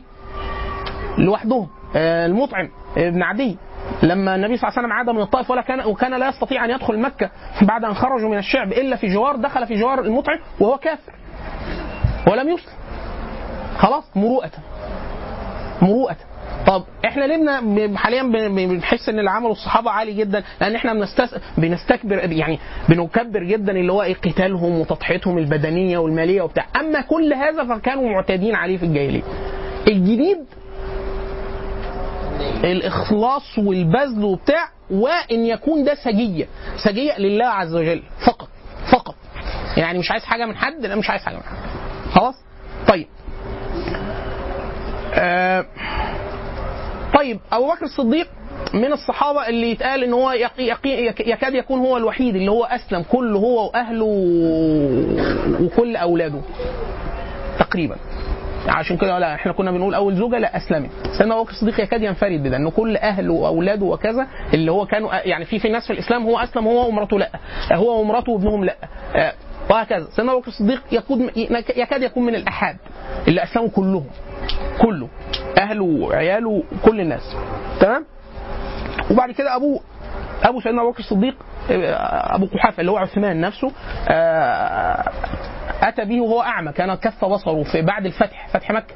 فسيدنا أبو بكر الصديق أتى به للنبي صلى الله عليه وسلم فلما النبي صلى الله عليه وسلم رأى أبو أبو أبو بكر الصديق فقال هل يعني تركت الشيخ نأتيه؟ أنا اللي أجي له أعرض عليه الإسلام. فسيدنا أبو بكر الصديق قال لا بل بل هو أحق أن يأتيك يا رسول الله. ولكن النبي صلى الله عليه وسلم يقول ذلك كرامة لأبو بكر. كرامة لأن أنه أبو بكر أبو أبو بكر الصديق. خلاص؟ فعرض عليه الإسلام ثم مسح على صدره على على صدره فأسلم. فأبوه وزوجته وعياله كل ذويه قد أسلموا وحسن إسلامه. تمام؟ آه، من أجل مناقب سيدنا أبو بكر الصديق أنه آه، شهد المشاهد. يعني شهد جميع المشاهد مع النبي صلى الله عليه وسلم. شهد بدر وأحد كل كل المشاهد. ما من غزوه غزاها النبي صلى الله عليه وسلم إلا وحضرها حضرها أبو بكر الصديق معه.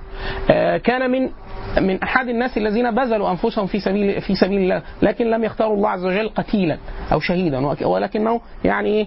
حفظه للأمة ليحفظ عليها القرآن والدين وكذا. هنقول دلوقتي بعد وفاة النبي صلى الله عليه وسلم. فسيدنا أبو بكر الصديق ممن النبي صلى الله عليه وسلم انفض عنه الناس في أحد وأشيع أنه قتل فلم يتبقى معه إلا سم- سبعة من الأنصار وثمانية من المهاجرين في أول الأمر حتى ثاب إليه الناس. خلاص كان منهم أبو بكر الصديق. وإن كان النبي صلى الله عليه وسلم ضن به يعني النبي صلى الله عليه وسلم قتل دونه آه، عشرات من الأنصار. كلهم يقول النبي صلى الله عليه وسلم من يعني يمنعنا من الناس وله الجنة. يعني الرجل الانصاري يقوم ويعلم أنه مقتول لأنه قد تكالب الناس على النبي صلى الله عليه وسلم ووضع فعل يعني إيه صنعوا له فخا فوقع فيه النبي صلى الله عليه وسلم وأغمي عليه ووقع عنه يعني بعض أدرعه وخوذته وكذا. فكان من يقوم يحمي النبي صلى الله عليه وسلم يعلم أنه مقتول ولا بد. يعني هو يقوم يعني يودع النبي صلى الله عليه وسلم ولن يلقاه إلا في الجنة إن شاء الله. خلاص؟ فقام فأقام إليه الأنصار وهم أنصار أنصار الله عز وجل. خلاص؟ ف ومن المهاجرين على رأس المهاجرين أبو بكر الصديق إلا أن النبي صلى الله عليه وسلم نهاه. يعني لما قام أبو بكر الصديق يزود عن النبي صلى الله عليه وسلم فمن من خرج بسيفه يزود عن النبي صلى الله عليه وسلم قتل. لأن الناس كانت تكالبت عن النبي صلى الله عليه وسلم. ف من زاد عن النبي صلى الله عليه وسلم ولم يقتل طلحة بن عبيد الله. طلحة بن عبيد الله وهو من العشرة المبشرين بالجنة. ظل يدفع النبي صلى الله عليه وسلم الضرب حتى إن سيدنا طلحة من رآه بعد ذلك يعلم أنه جسمه كله تقريبا مليان شقوق من الطعن والضرب الذي حمله على النبي صلى الله عليه وسلم. وقطعت أصابعه وشلت يده دفاعا عن النبي صلى الله عليه وسلم ولم يقتل. ولكن النبي صلى الله عليه وسلم أقر حقيقة ماثلة أمام الناس. أن ليست صورة العمل هي ما يحاسب عليه الله عز وجل. ولكن الحقيقة التي قامت في قلب فاعل العمل. يعني واحد قاعد مع مراته عيانة في البيت. واحد بدري مقاتل. الاثنين سواء عند الله عز وجل آه عند الله وعند رسوله. الاثنين يعني أنا قاعد مع مراتي عشان عيانة. واحد ده آه من من فعل هذه الفعلة هو عثمان بن عفان رضي الله عنه. فالله عز وجل جعلهم سواء. سيدنا عثمان بدري وهو لم يشهد بدر يعني لم يقاتل ولكن أسهم له النبي صلى الله عليه وسلم سهم مقاتل. لأنه ظل يطبب امرأته في البيت وهي بنت النبي صلى الله عليه وسلم.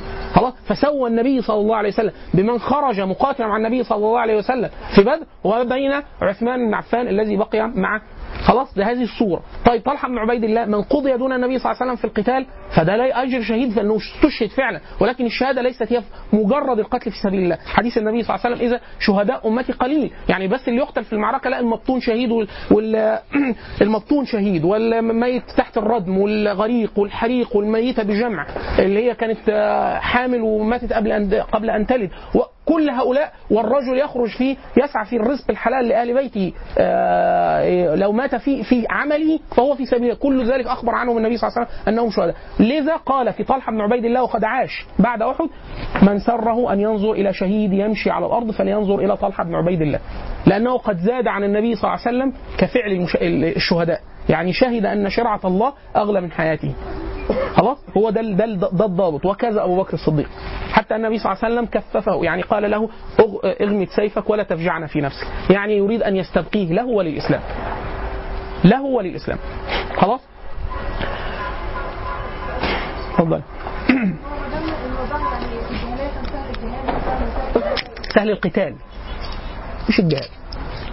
الجهاد هو أن تخلص النية في القتال أنه يكون فقط لله عز وجل. هو ده اللي يجيب الإسلام. إنه عشان كده بعض بعض العلماء يفسر كف العرب عن القتال. يعني القتال لم يؤذن له لم يؤذن النبي صلى الله عليه وسلم للنبي صلى الله عليه وسلم والصحابة بالقتال إلا على رأس الهجرة. أذن للذين يقاتلون بأنهم ظلموا. 13 سنة ليه؟ يقول لو لأن العرب لو تحامت لأنفسها حمية الجاهلية لقاتلت ضربت الأصفر والأسود والأبيض على أحسابها وأنسابها. يعني يعني سيدنا أبو بكر الصديق من المواقف من الواقع التي وقعت له في الجاهلية أنه آه، قام قام له بعض المشركين يأذونه فأخذوا يضربونه حتى أصابه أبو جهل بالضرب الشديد فأغمي عليه وضرب وجهه بال- بالنع- بالنعل لعنه الله حتى أغمي على سيدنا أبو بكر الصديق. فأتى قومه تيم تيم وأقسموا بالله وهم يعني ولديهم آلهة في الجاهلية أقسموا بالله أنه لو قتل لا يقتلون به فلان وفلان وف... وسموا رجالا وهم ليسوا على دينه. ولكن حمية أن يقال أنه قتل أحد من تيم ولم تغضب له آه، قومه.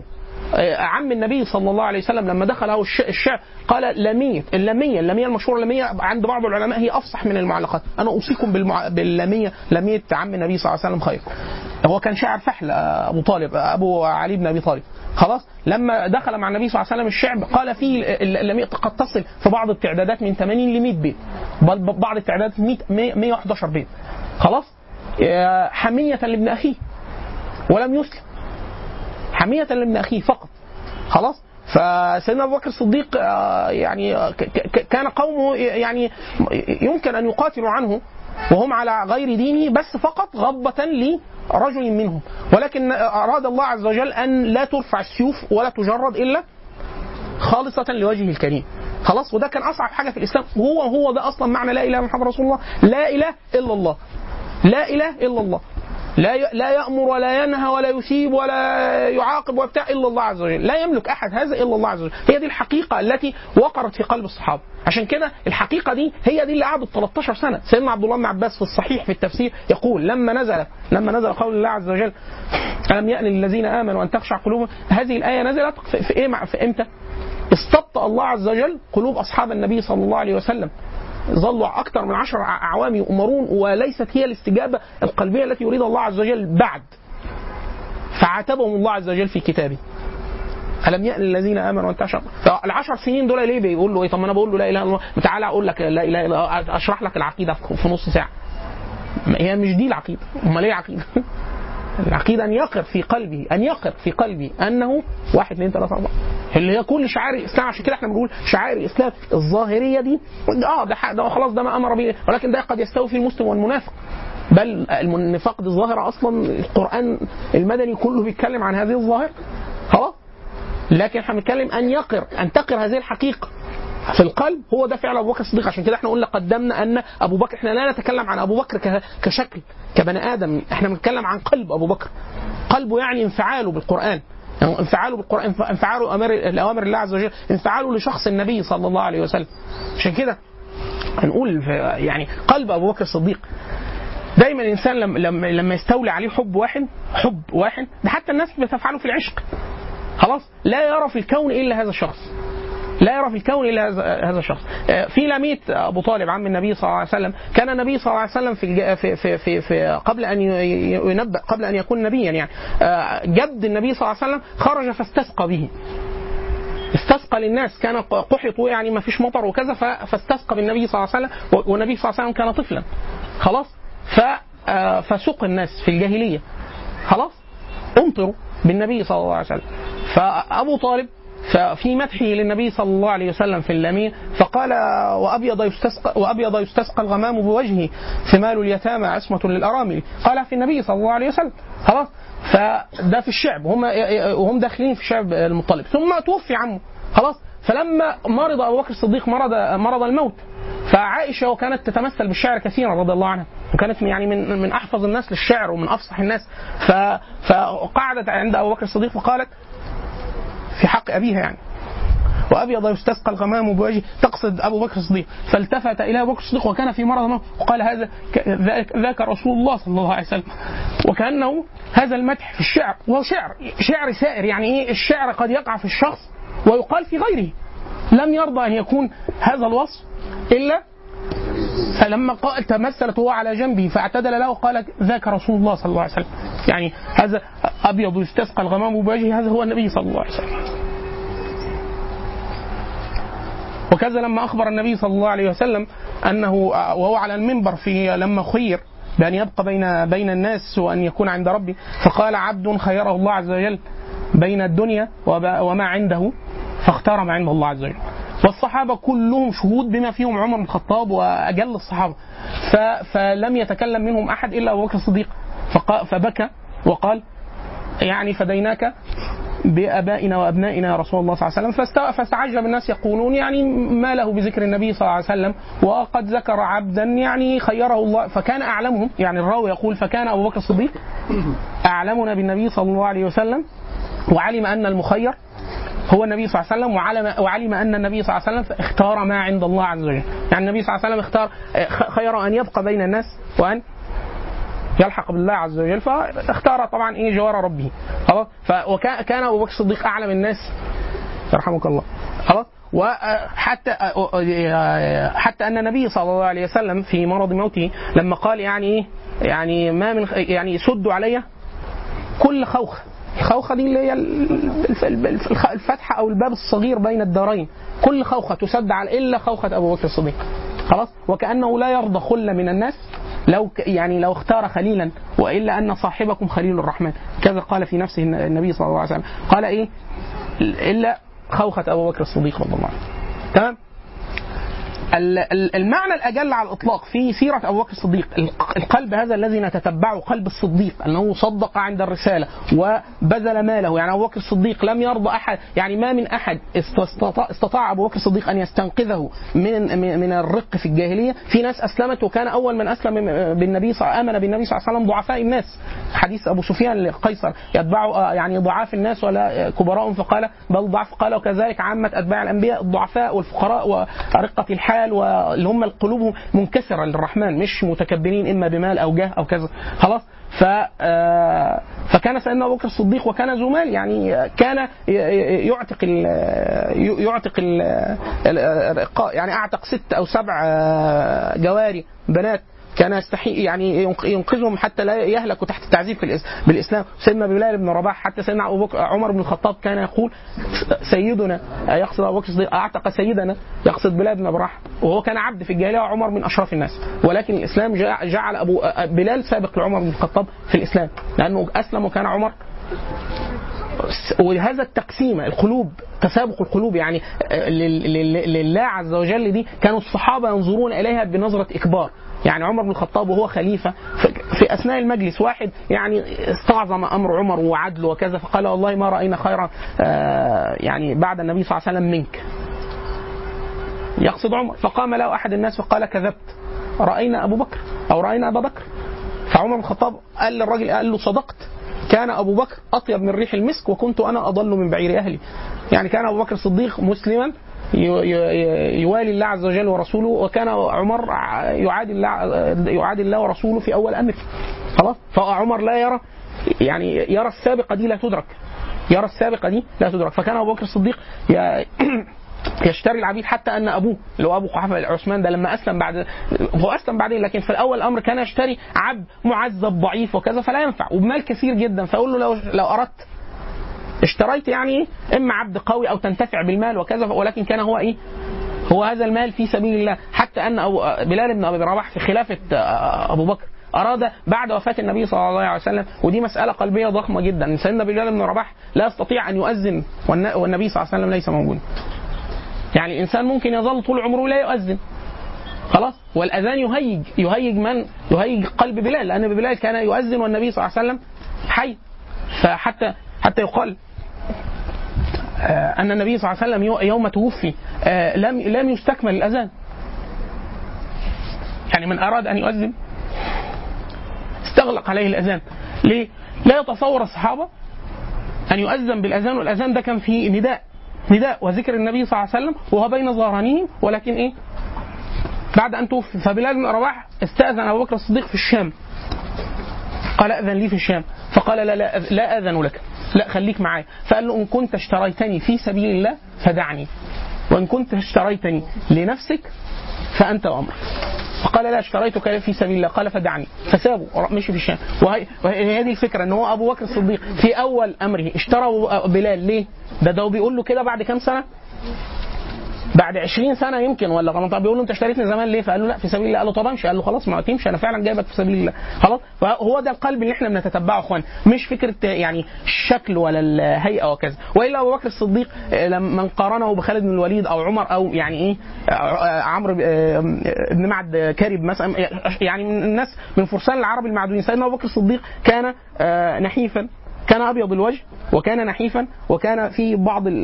يعني انحناء في ظهره وكان خفيف العارضة يعني شعر وجهه خفيف خلاص فيعني مش ال... في ناس خالد بن الوليد الناس بتحبه مثلا تصورهم إن هو يعني وق- وقد كان كذلك يعني إن هو مقاتل وبطل وكذا لكن سيدنا أبو بكر الصديق كان إيه؟ شكله الشكل لكن إحنا بنتتبع مين؟ دلوقتي بتاع قلب أبو بكر الصديق. القلب ده اللي هو إيه؟ عشان كده إحنا الحديث ده حديث من من أهم الأحاديث في تصور حال الصحابة. عندنا تصورنا إحنا أهل السنة. أن سيدنا عبد الله بن مسعود فبيقول إن الله عز وجل نظر في قلوب العباد. فاصطفى قلب محمد. يعني هو محمد ده ده حقيقة قلب محمد ده قلب محمد. واصطفى لمحمد أصحابه. فأصحابه دول برضو أصحابه ولا قلوب أصحابه؟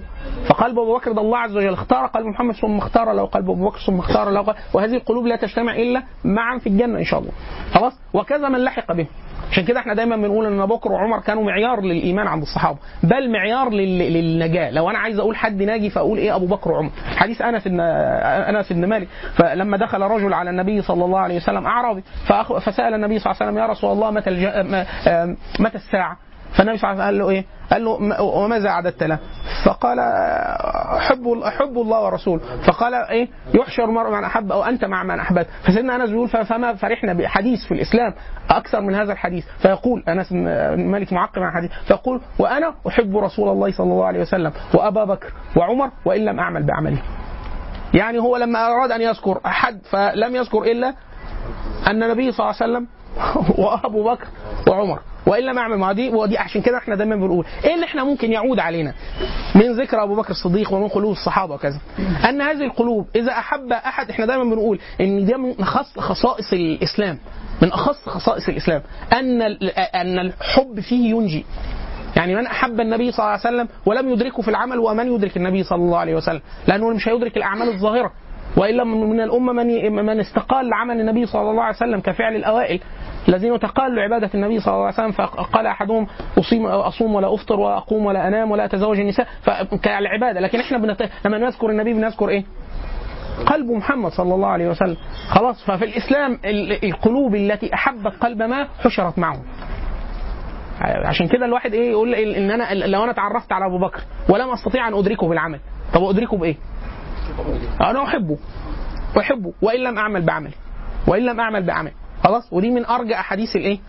عشان كده إحنا في الاسلام في الإسلام يعني ال- العالم والشهيد والشهيد يدخل. فضل الرؤيه ده فضل. ده فضل لوحده. فضل الرؤيه ده فضل. خلاص؟ فضل ال- الإيمان والمتابعة ده فضل. ده حاجتين. أما فكرة الإدراك فممكن فممكن. حديث النبي صلى الله عليه وسلم آه، المستمسك بمثل ما أنتم عليه يخاطب الصحابة له أجر خمسين منكم وفي بعض الأحاديث أجر خمسين شهيد منكم. فقالوا منهم يا رسول الله؟ قال منكم تجدون على الخير أعوان ولا يجدون. فيعني المتأخر زمانا ده آه، قد يلحق. قد قد يلحق ليه؟ لأن تجدون على الخير ولا. يعني سيدنا لو أنت عايشة أيام الصحابة هتطلعي تلاقي الحاكم أبو بكر والقاضي عمر وبياع القماش مش عارف مين كلهم صحابة يعني خلاص آه أنت دلوقتي زي ما أنت شايفة ف. فلا طبعا يعني آه،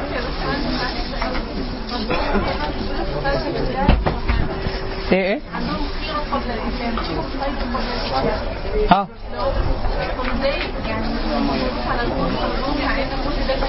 إيه إيه تاني؟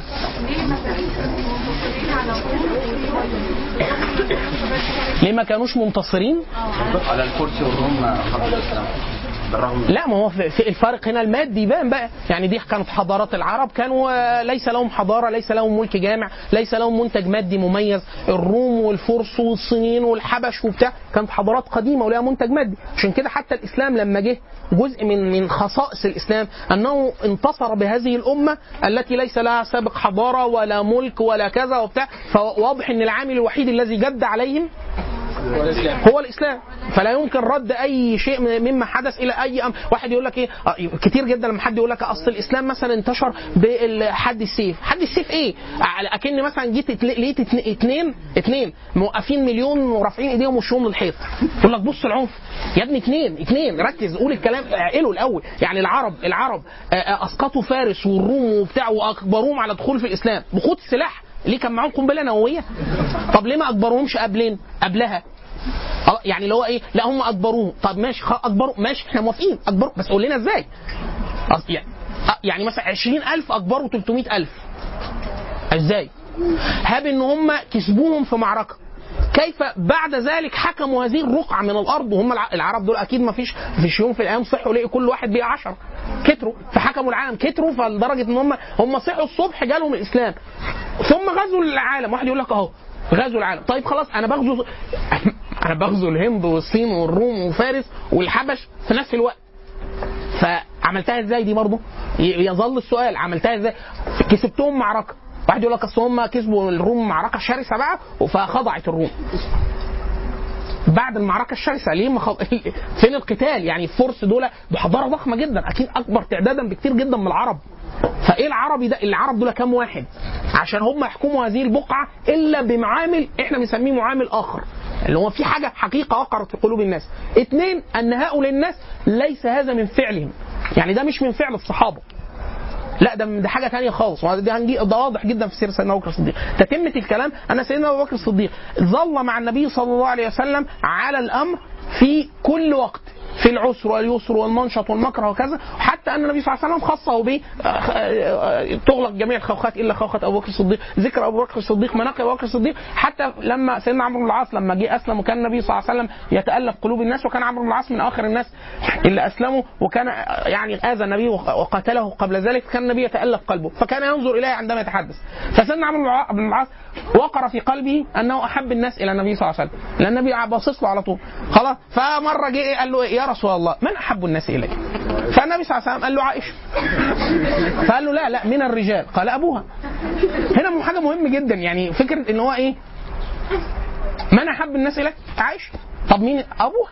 قال له طب مين تاني؟ عمر. فقال فسكت. قلت إيه؟ يجعلني آخر الناس. اقعد أقول له يقول لي ناس يقول لي ناس لغاية إيه؟ ما هيجيبني ورا خالص فسكت. أحسن. هجيبك ورا خالص. لأن النبي صلى الله عليه وسلم صادق. لأن يعني إيه؟ هيقول له في لأن بتحبني. يعني النبي صلى الله عليه وسلم حتى لم يتحرك في ده. لو من أحب الناس اليك عائشه لا لا من الرجال. أبوه. يعني إيه؟ الموضوع واضح. خلاص؟ فك- ف- فك- كان هذا حال حال ال- حال أبو بكر الصديق. وكذا حال أبو بكر الصديق مع الناس.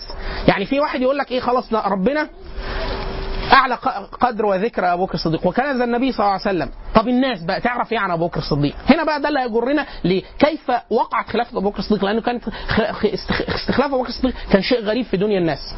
حتى هنقول إن الصحابة نفسهم استغربوا مبايعة أبو بكر الصديق. هنقول إزاي؟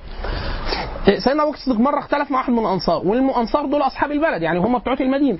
والمهاجرين اللي هو منهم أبو بكر الصديق القرشيين جايين ضيوف. فاختلفوا على أرض. وإحنا قلنا ان إحنا بنحب الصحابة عشان هم ملائكة ولا هم بني آدمين ولكن الله عز وجل رفعهم قدر يعني كما شاء.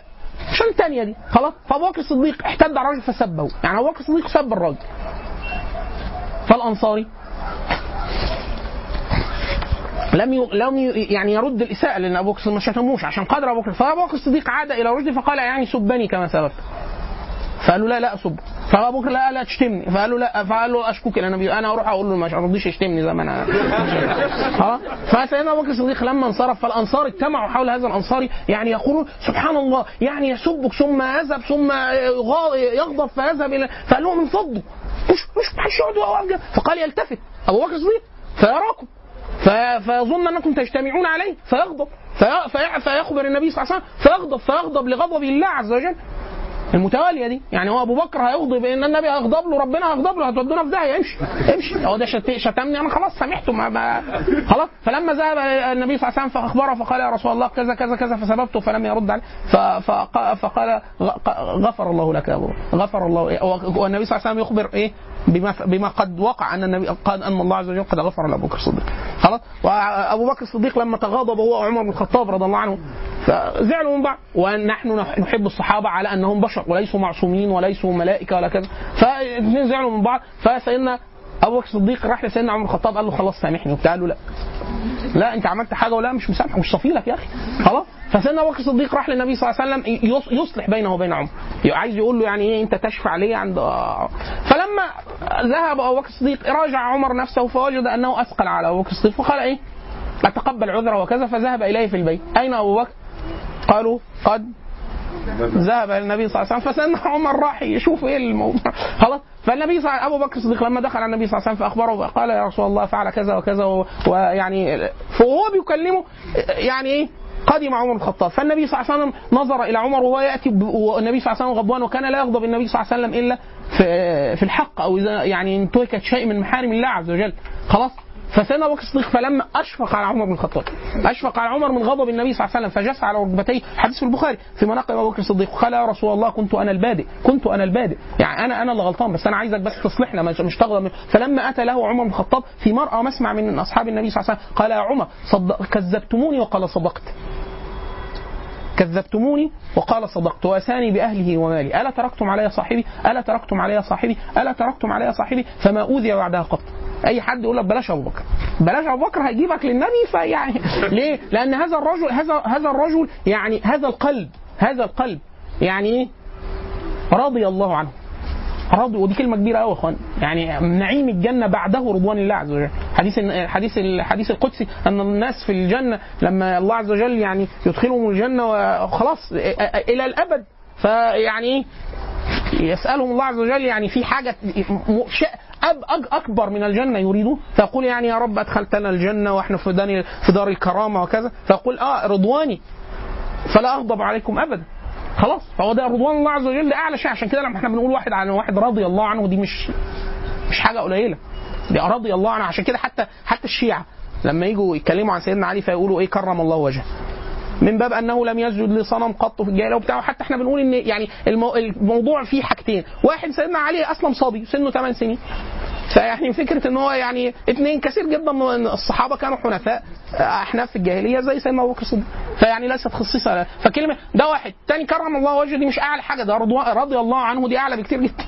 أنا أقول لك رضي الله عنه حاجة حاجة فوق فوق فوق كرم الله وجهه اللي أنت بتقول عليه ده خالص. تمام؟ ف سيدنا أبو بكر الصديق باقتراب وفاة النبي صلى الله عليه وسلم. دي حاجة مهمة جدا. في حاجتين مهمين جدا في, آخر حياة النبي صلى الله عليه وسلم. أن النبي صلى الله عليه وسلم حج في في الع- في العام الآخر في آخر العام اللي هي حجة الوداع. عام تسعة حج أبو بكر الصديق بالناس. حج أبو بكر الصديق. فكان أمير الحج أبو بكر الصديق. دي حاجة مهمة جدا. هنا عشان نت- نتتبع بقى. إن النبي صلى الله عليه وسلم حد هيحج بالناس أمير الناس في في الموسم هو كان إيه؟ أبو بكر الصديق. أبو بكر الصديق هو الأمير. خلاص؟ فلما نزلت سورة براءة توبة. وأمر النبي صلى الله عليه وسلم ألا يحج بعد هذا العام. لا مشرك ولا عريان. وأن يؤذن في الناس ألا لن تدخل الجنة إلا نفس مؤمنة. فأرسل النبي صلى الله عليه وسلم علي بن أبي طالب إلى سيدنا أبو بكر الصديق قال أدرك أبو بكر الصديق في الموسم؟ وتتلو على الناس سورة التوبة وتعلن في الملأ على الناس أنه لا يحج لأنه هذا هذا العام آخر عام. يحج فيه عريان ولا مشرك لأنه كانت ما زالت العرب فيها مشركين وكذا. وكانت العرب في الجاهلية تطوف عرايا. سول لهم الشيطان هذا. يقولون لا لا لا نطوف في في, في ثياب عصينا الله عز وجل فيها. طب إيه الح- الحل؟ تجيب ثياب نظيفة. لا قال لك أنا أقلع الثياب. خلاص؟ وهذا مما أدخله الشيطان على عقول الناس. وما زال يفعل. وما زال يفعل. أن الشيطان ما زال بالناس حتى يعري عنه يعني إيه يكشف لهم سوءتهم يعني الناس الشيطان يعبث بيهم حتى الآن. بس بطريقه مختلفة. عشان كده إحنا دايما بنقول إن كيد الشيطان ثابت وضعيف. بس بس ثابت. يعني نفس الطريقة اللي بيضحك بيها على البدائيين هي اللي بيضحك بيها على الأمريكان هي اللي بيضحك بيها على الناس اللي بتطلع القمر. يعني ده أمره بالزنا وده أمره بالزنا وده أمره بالزنا. ده أمره أن يشن جسده وده يشن جسده وده يشن جسده. إن ده يخرم ودنه وده يخرم ودنه ويكون رجل. وده إن هو وكانها. واحد. العهد الذي أخذه الشيطان على نفسه. بإضلال بني آدم ثابت بس الصورة بس هي إيه؟ اللي بيبقى شكلها مختلف في هذه الواقعة لما آه، آه، جاء علي بن ابي طالب على أبو بكر الصديق ودي من خصائص قلب أبو بكر الصديق لما رأى علي آه، سمع الأول صوت الناقة فهي ناقة النبي صلى الله عليه وسلم، النبي أعطى لعلي بن أبي طالب الناقة بتاعته فهو سمع ناقة النبي صلى الله عليه وسلم. وهو يدخل أراد أن يه- يهم الصلاة يدخل الناس هتصلي وراه فقال إيه؟ ناقة النبي صلى الله عليه وسلم. ده واحد مش عارف شكل النبي ومش عارف صوته فقال ناقة النبي صلى الله عليه وسلم فانتظر حتى يصلي بيقول يعني يبدو أن النبي لحق بهم فسوف يصلي. فنظر فإذا عليه فاهتم يعني دخل عليه الهم فقال أنت أمير يعني أنت أمير عليا يعني أنا عزلت عن الحج وأنت أمير؟ ولا لا قال له لا ده أنا النبي صلى الله عليه وسلم أمرني أن أبلغ كذا كذا كذا. خلاص؟ فقال له خلاص تبلغ ما فكان يؤذن ده يقرأ عليهم التوبة ده يقرأ ويؤذن فيهم عليه ألا يحج بعد هذا العام عريان ولا مشرك وكذا. بصوا بقى القلب. قلب أبو بكر الصديق. زي برضه عمر لما نيجي في سيرة عمر. عاد أبو بكر الصديق فلما دخل على النبي صلى الله عليه وسلم بعد موسم الحج فجس بين يدي النبي صلى الله عليه وسلم على ركبتيه واستعبر بكى فقال يا رسول الله حدث فيها حدث فيها شيء؟ أنزل فيها قرآن؟ يعني أنا في نزل فيها قرآن إن أنا منافق. فارسلت علي بن أبي طالب يع- يعزلني عن موسم الحج فقال لا لم ينزل فيك إلا خيرا ولكن أمرني جبريل ألا يبلغ هذا يعني لا التوبة ولا ال- ال- الأذان الأخير ده اللي هو لا يطوف بالبيت عريان ولا كذا إلا أنا أو رجل من أهلي. يعني من من بي من آل بيت النبي صلى الله عليه وسلم ودي من خصائص آل البيت يعني الصحابة بجملة وآل البيت بالخصوص. كل من حرم الصدقة بنسبه للنبي صلى الله عليه وسلم زي سيدنا جعفر سيدنا العباس سيدنا عبد الله بن عباس سيدنا علي وسيدنا الحسن وسيدنا الحسين سيدة فاطمة وبنات النبي صلى الله عليه وسلم. الشاهد إن هو إيه؟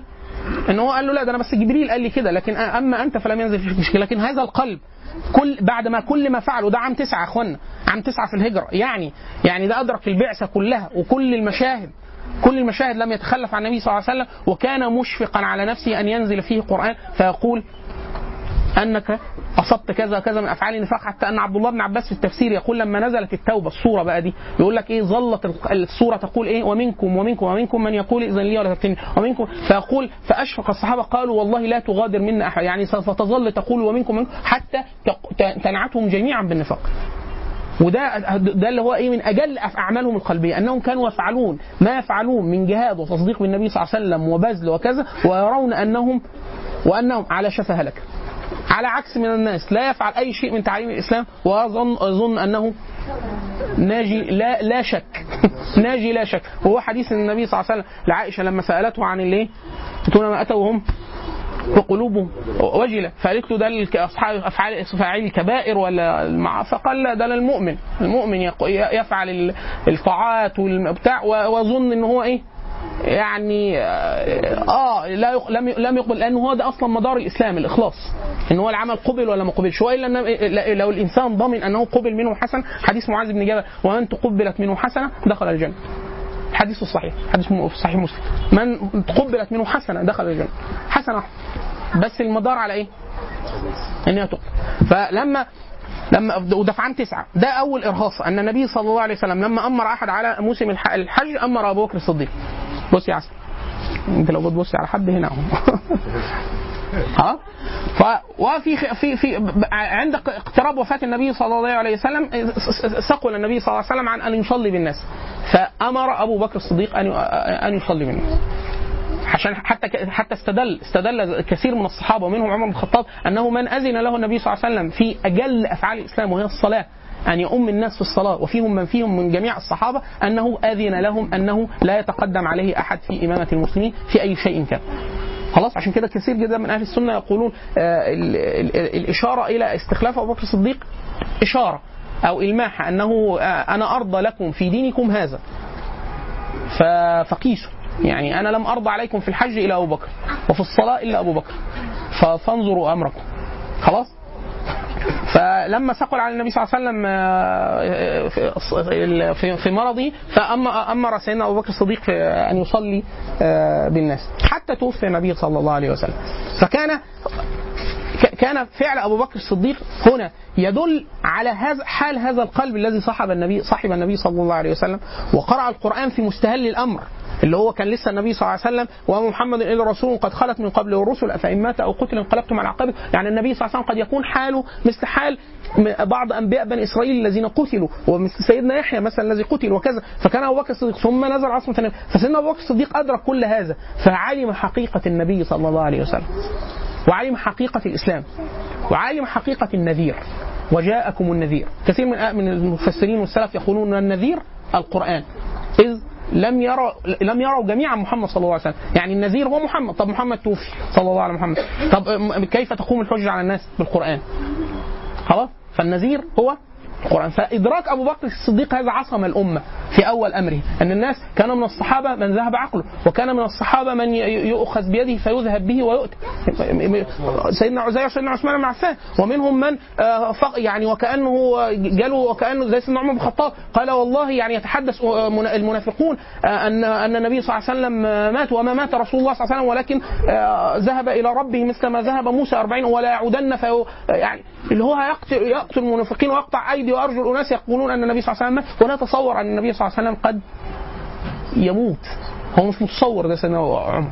ليه؟ وده أنا بقول إن هو عمل قلبي برضه اللي هو إيه يعني هو وضع صعب جدا. زي بقول لك سي...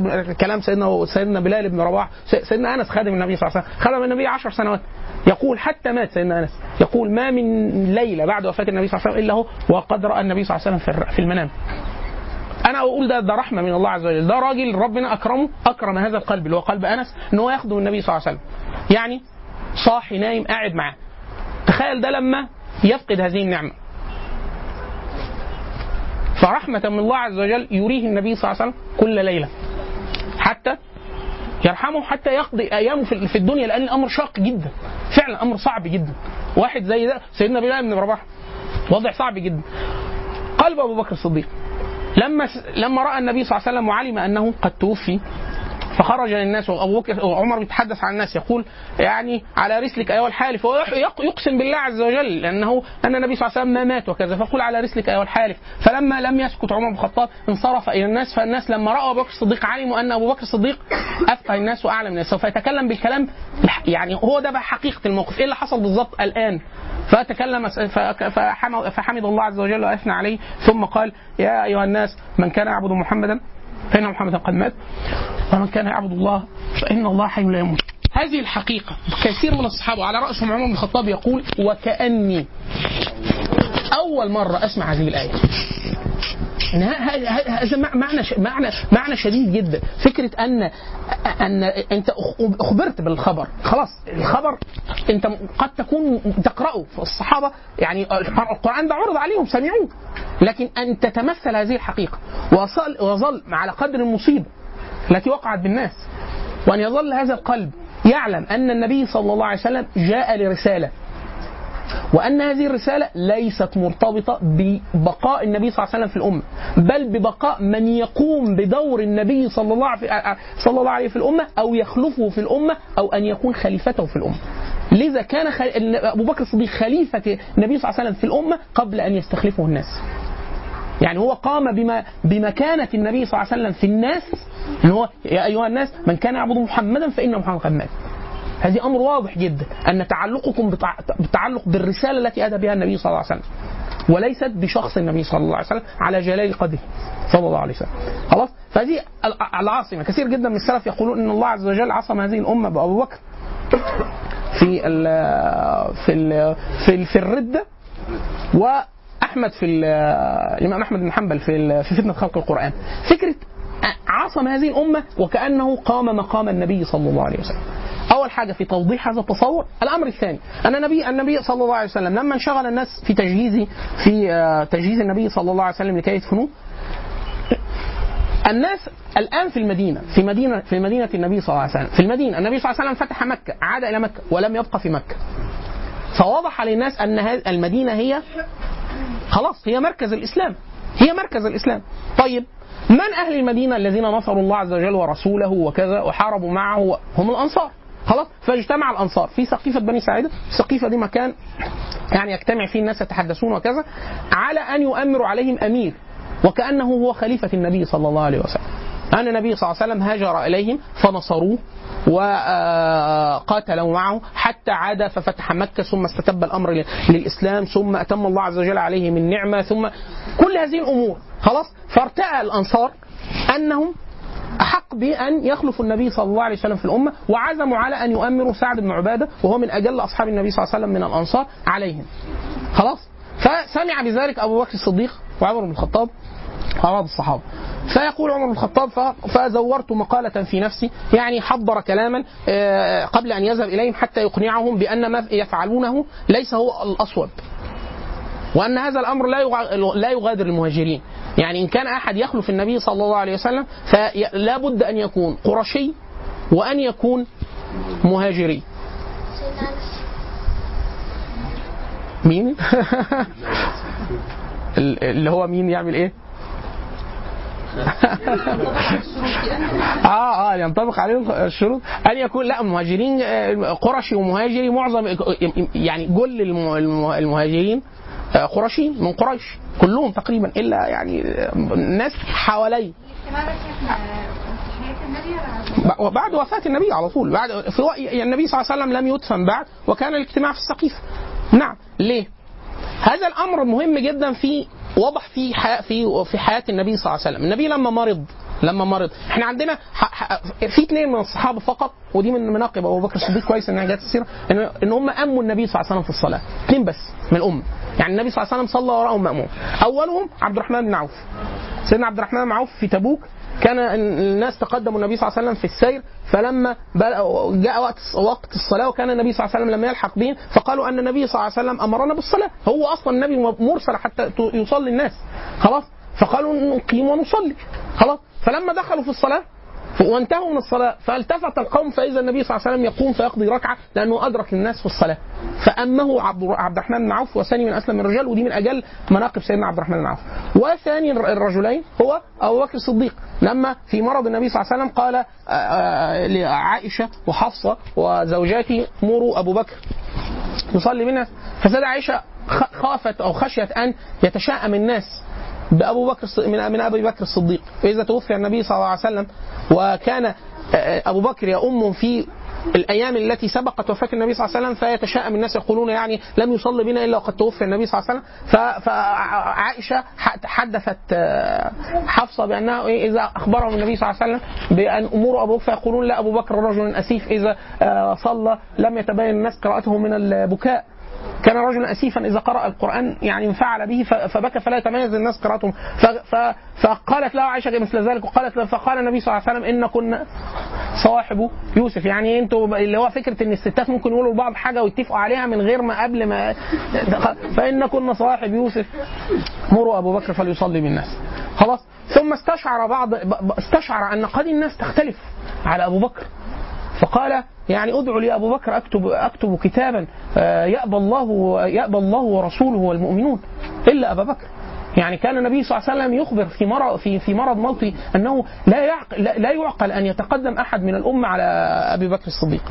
خلاص؟ إشارة وتلميحا وأمرا بالصلاة. خلاص؟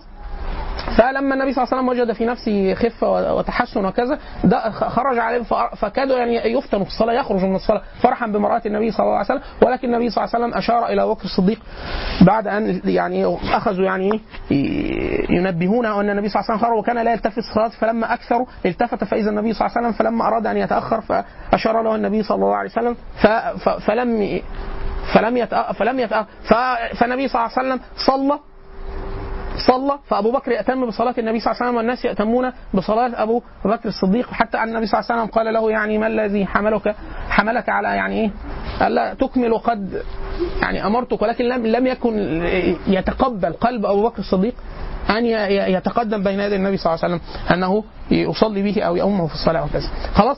فكل هذه الإشارات كانت الماحا لهذا هذا المعنى ولكن الأنصار يعني وعلى فكرة وان وإن كان تفكير الأنصار آه، أنا أراه منطقيا جدا. حديث الأنصار بعد غزوة حنين لما النبي صلى الله عليه وسلم بعد حنين اجتمعت له غنائم لم تجتمع له من أول الإسلام ففرقها كلها في المكيين الطلقاء اللي أسلموا في فتح مكة هم لسه فتحوا مكة ثم غزوة حنين ولم يجعل أي شيء من المال في في الأنصار. والأنصار لسه دماء على حسب قول الأنصار أنهم لم تجف تجف آه، سيوف الأنصار من دماء القرشيين بعد. لسه في فتح مكة وداخلين خلاص وقسم النبي صلى الله عليه وسلم كل المال في القرشيين. يعني إيه؟ يترقى آه يتألف قلوبهم للاسلام وكذا. لأنه حديث عهد بالإسلام. أما الأنصار فإيمانهم أرسخ من الجبال. فتكلم تكلم الأنصار قالوا لاقى قومهم. يعني وكان النبي صلى الله عليه وسلم رقى رقى للقرشيين وكذا. فلما النبي صلى الله عليه وسلم عاتبهم وقال لهم يعني آه، قد أتيتكم ضلالا فهداكم الله به وكذا في آخر القول النبي صلى الله عليه وسلم قال لهم لولا الهجرة لكنت لكنت امرأ من الأنصار. اللهم ارحم الأنصار وأبناء الأنصار وابناء أبناء الأنصار. والله لو سلك الناس شعبا وسلك الأنصار شعبا لسلكت شعب الأنصار. فهذا هذا المعنى أنا لو أنصاري يقوم في قلبي أن الأنصار هم, هم أنصار الله عز وجل. هم من نصروا دينه خلاص؟ فحق لهم أن يقولوا ذلك. ولكن ما نبههم إليه أبو بكر الصديق وبقية الصحابة مثل عمر بن الخطاب وسيدنا أبو عبيدة بن الجراح وكذا أن لهم سابقة وفضل لا يتقدم أحد إلا أن النبي صلى الله عليه وسلم من قريش. وإلا أن أسبق الناس إلى الإسلام قريش. وأن المهاجرين من قريش. وحديث النبي صلى الله عليه وسلم أن الخلافة في قريش. خلاص؟ فهذه كل هذه المعاني وده يدل على رقة وكمال إيمان الأنصار. أنهم يطالبون بشيء بشيء بديهي لهم. فلما كلموا أبو بكر الصديق بآية وحديث بآية وحديث وذكرهم بفعل النبي صلى الله عليه وسلم أذعنوا له ووافقوا. في في, في كلمة في كلمة واحدة. لأن النبي سيدنا عمر بن الخطاب يقول زورت مقالة في صدري. يعني هروح أقول كلامه بتاع اللي هو الكلام اللي هيقوله. فسيدنا أبو بكر الصديق ذهب وعمر بن الخطاب وأبو عبيدة بن الجراح إلى إليهم ففيما أنتم فقالوا يعني منا أمير سعد بن عبادة فقال لهم إن النبي صلى الله عليه وسلم يعني يعني هاجر إليكم وكذا يريد أن ينبههم أن النبي قرشي وأن المهاجرين قرشيين وهكذا وأن هذا الأمر لا تعرفه العرب إلا لقريش. خلاص؟ أن يخلف الناس أحد يخلف النبي صلى الله عليه وسلم أحدا في هذه الأمة حديث النبي صلى الله عليه وسلم الخلفاء من قريش. خلاص؟ ف قالوا إذا منكم أمير ومنا أمير. قال لا نحن الأمراء وأنتم الوزراء. يعني أنتم لكم مكانة في الإسلام ولكن ليست هذه المكانة التي تظنونها. خلاص؟ فاذعناه الناس فقال وأنا أرضى لكم احد احد أحد الرجلين آه، عمر بن الخطاب أو أبو عبيدة بن الجراح. فقال عمر بن الخطاب من منكم يعني تطيب له نفسه أن يتقدم أبو بكر الصديق؟ فكرة ان هو قدمان هذه هذه الأقدام قد قدمها النبي صلى الله عليه وسلم عليكم في الصلاة. خلاص؟ صلى بهم عشر أيام أو أكثر خلاص فاللي هو فكرة إيه من من يسر أن يتقدم أبو بكر الصديق ف فبايعه عمر بن الخطاب وبايع أبو عبيدة الجراح فهو ت- يعني تقدم الناس إلى بيعة سيدنا أبو بكر الصديق اذعانا لهم بالحقيقة التي قال. في نقطتين هنا مهمين جدا.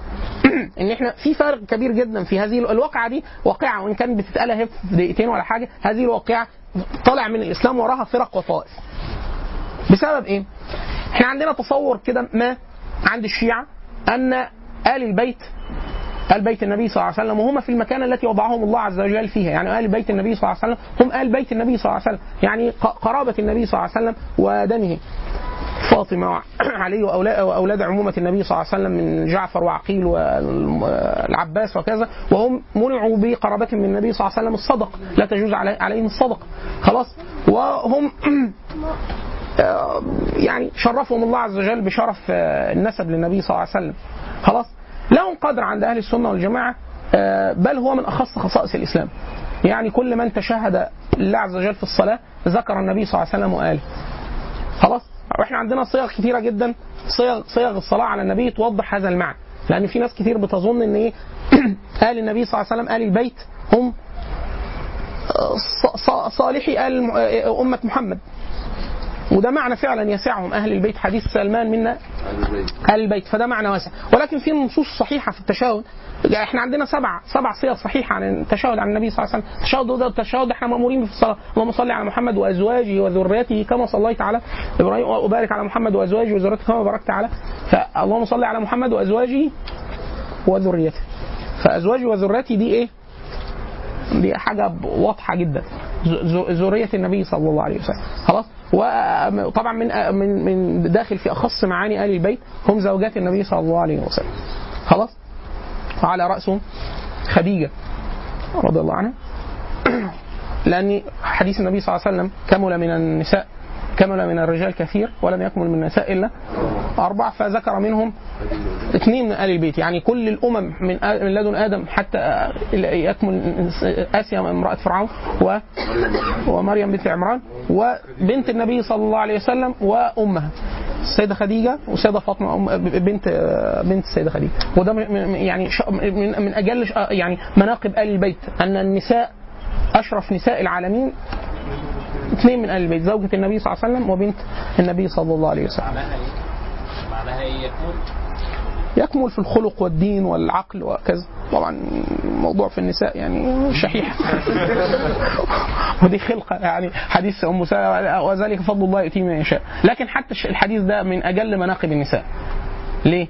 كمل كمل من الناس من الرجال كثير يعني كثير جدا برضه من الرجال غير كاملين. وعلى الأقل في من النساء من يعلو قدرهم كثير من الرجال وعلى رأسهم عائشة رضي الله عنها وإلا يعني لو قلنا تلت, الأحكام جاي من أحاديث عائشة رضي الله عنها ما نبقاش مبالغين. عائشة من المكثرين من الرواية عن النبي صلى الله عليه وسلم وخاصة في أخص أمور النبي صلى الله عليه وسلم الأمور البيتية والحياتية وكذا. خلاص أمور العبادة أمور الطهارة و... تمام؟ آه آه هذه المسألة في فكرة ال- ال- الاستخلاف أبو بكر الصديق هل طريقة الاستخلاف أبو بكر الصديق دي عادية؟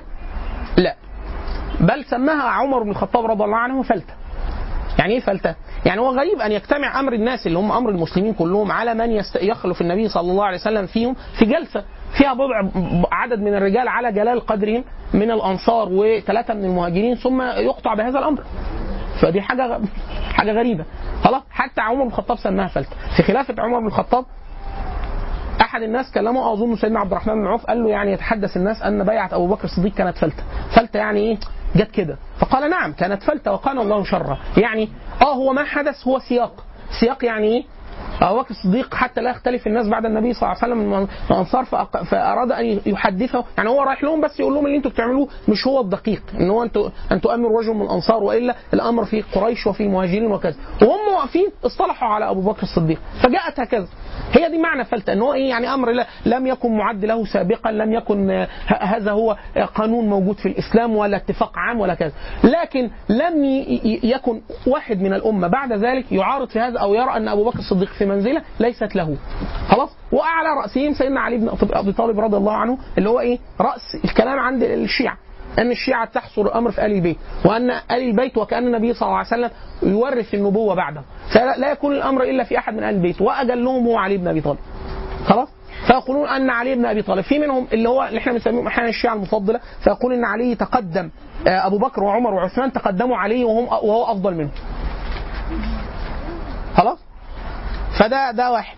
الأمر الثاني وده الأصعب بقى يعني اللي بيقول كده أحيانا بيبقى بيسموه الشيعة المفضل إحنا بنقول ده خطأ وده ليس على ما كان عليه جمهور الصحابة حتى لأن كثير جدا من أحاديث الصحابة يقولون كنا لنا حديث علي بن أبي طالب آه، واحد من أولاده لما يعني أكثر الناس فيه فقال آه، فقال يا أمير المؤمنين وهو في خلافة علي بن أبي طالب من احسن من خير الناس بعد النبي صلى الله عليه وسلم؟ يظن أنه يقول أنا علي بن أبي طالب. فقال أبو بكر فقال بعد أبو بكر فقال عمر فقال بعد عمر فقال عثمان فقال طب وأنت؟ يعني الرا- اللي بعدهم فقال وهل أبوك إلا رجل من المسلمين؟ وإن كان علي من أجل الناس. خلاص؟ يكفي أن علي بن أبي طالب حتى النبي صلى الله عليه وسلم قال أبو بكر في الجنة عمر في الجنة عثمان في الجنة علي في الجنة. خلاص؟ بل يعني م- مكانة علي يعني مكانة مزدوجة أنه صحابي وأنه من أصحاب البذل وأنه شهد المشاهد وأنه يعني آه، آه، أول من أسلم من الصبيان وكذا وفوق ذلك كل شرف شرف النسب بل بقاء بقاء نسب النبي صلى الله عليه وسلم ودمه الشريف آه، من من نسب علي بن أبي طالب والسيدة فاطمة. خلاص؟ لكن دائما إحنا نقول أن من جزء من أوامر الإسلام أن لا يرفع الرجل فوق قدره حتى أن النبي صلى الله عليه وسلم قال في نفسه الشريفة لا تطروني كما أطرت النصارى المسيح ابن مريم.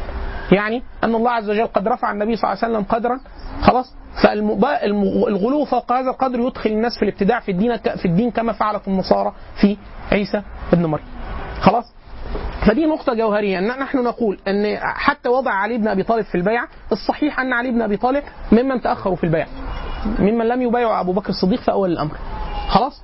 وبعض الروايات وصحيحة. أن علي بن أبي طالب كان آه، يعني آه، وكأنه آه، غضب مما من سرعة اتخاذ القرار في بيعة أبو بكر الصديق.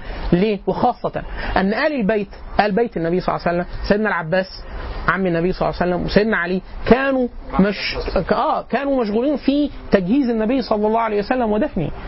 خلاص؟ فهم استشعروا أن هذا الأمر قطع دونهم دونهم وهم من أولى الناس أن يشهدوا هذا. مش أن يكونوا هم الخلفاء وإلا علي بن أبي طالب لو شهد لو شهد الأمر لو شهد الأمر ما زاد على الأمر إلا أن استخلف أبو بكر الصديق. خلاص؟ لأنه علي ده هو اللي قدم على أبو بكر وهو أمير فالنبي صلى الله عليه وسلم لم يعزل أبو بكر. وعلي ده اللي شهد الصلاة ورا أبو بكر الصديق في وفاة النبي صلى الله عليه وسلم. وعلي هو اللي س... وعلي من من أروى الناس للحديث ومن أعلم أصحاب النبي صلى الله عليه وسلم. فهو يعلم قدر قدر أبو بكر وعمر وعثمان يعني ده أمر مستفيض عن علي بن أبي طالب. لكن هي الفكرة أنه ما ال- الذي أغضب علي بن طالب رضي الله عنه أن الأمر قطع دونه. واحد يقول لك بس هم الصحابه ويزعلوا من بعض آه هو هذا ما قدمنا به في أول الأمر أنهم أناس يأسفون كما يأسف بنو آدم. يعني آه ممكن يزعل ويغضب ويعني ممكن عادي. خلاص؟ لكن في الآخر بايع أبو بكر الصديق وكذا وقال يعني إحنا كلامه سيدنا أبو بكر الصديق كان واضح جدا إنه أنا ما بقولكش إن أنت في فضيلة أنت أخذتها لا تستحقها لا بل أنت يعني حق بكل خير. ولكن هي بالفكرة إنه قطع بهذا الأمر يعني دون وجود سيدنا العباس عم النبي صلى الله عليه وسلم وسيدنا علي بن أبي طالب وكذا. هي دي بس الإيه؟ دي الفكرة. ودي دي دي واحدة. اثنين اثنين. أن مكانة بنو هاشم عند الناس مكانه بنو هاشم وآل, وآل النبي صلى الله عليه وسلم أكبر من أن يغتصبها بلغة الأعاجم. انه يقول لك أن يعني آل البيت يكون لهم حق فيغصبوه من دون الناس. طب والناس ب... والناس اللي هي بنو هاشم وعم النبي صلى الله عليه وسلم الذي حارب عنه طول حياته وهو ليس على دينه. هم دول اللي هم في الإسلام وعلي بن أبي طالب من أشجع الناس وكذا. هم دول اللي يغصبوا حق لهم. هو ده جزء من التصور الشيعي. تصور اللي هو حتى مش متصور هيئة علي وأصحاب النبي صلى الله عليه وسلم والعرب في الجاهلية حتى. يعني يا اخوانا لكم أن تتخيلوا أن في حادثة الإفك. حادثة الإفك. لما آه،. واحد من ال- النبي صلى الله عليه وسلم لما تكلم عن المنبر وقال رجل يعني يذكر أهلي بسوء وما علمت عليهم إلا خيرا وكذا فقام أحد من الأوس فيقول يا رسول الله سميه س- سمه لنا نقتله. فهو كان كل الحضور يعلمون أنه يتكلم عن رجل من الخزرج. خلاص. فالرجل حميه غضبة للرجل الخزرجي قام له واحد من سادات الأنصار قال له إيه؟ لا والله لا تقتله ولا تقدر على قتله. فقال له لا والله لنقتلنه وإنك منافق تجادل عن المنافقين. كل هذا غضبة لرجل من قومه خزرجي فكيف بعلي بن أبي طالب وهو من بنو هاشم وقد فتحت مكة وقد دانت لهم ال- العرب والعرب كانت يعني توقر بنو هاشم وقريش فوق كل الناس في الجاهلية أن يغصبوا حق لهم وبيت النبي صلى الله عليه وسلم وابن عمه و... وبنت النبي صلى الله عليه وسلم وأبنائه. أقصد الحسن والحسين لأن العرب تقول على أحفاد الرجل أبنائي. كذا حتى النبي صلى الله عليه وسلم كان يقول على الحسن والحسين آه، ابنائي. خلاص؟ ف... وأن يغصب حق ليس له. الأمر الثاني أنه الأمر ليست فعلا فيه مفاضلة هو يعني سبق بها فلو كان قاعد كان الأمر يتغير لما سيدنا أبو بكر الصديق استخلف استخلف استخلف ببيعة يعني قال لهم أنا أرى لكم عمر. فلما يعني نزعه الناس في ذلك وبتاع آه، قال لهم لا أنا أرى أنه أفضلكم عمر. فالناس بعد وفاة أبو بكر بايعوا عمر بن الخطاب. وبعد عمر بن الخطاب تركها في ستة منهم علي ولم تؤل الأمر له ولم يؤل الأمر له. فالقصد إن هي الفكرة في إيه؟ إن هي هذا التراتب أو بدون أي انتقاص من سيدنا علي رضي الله عنه. أنه كان احق بكل خير.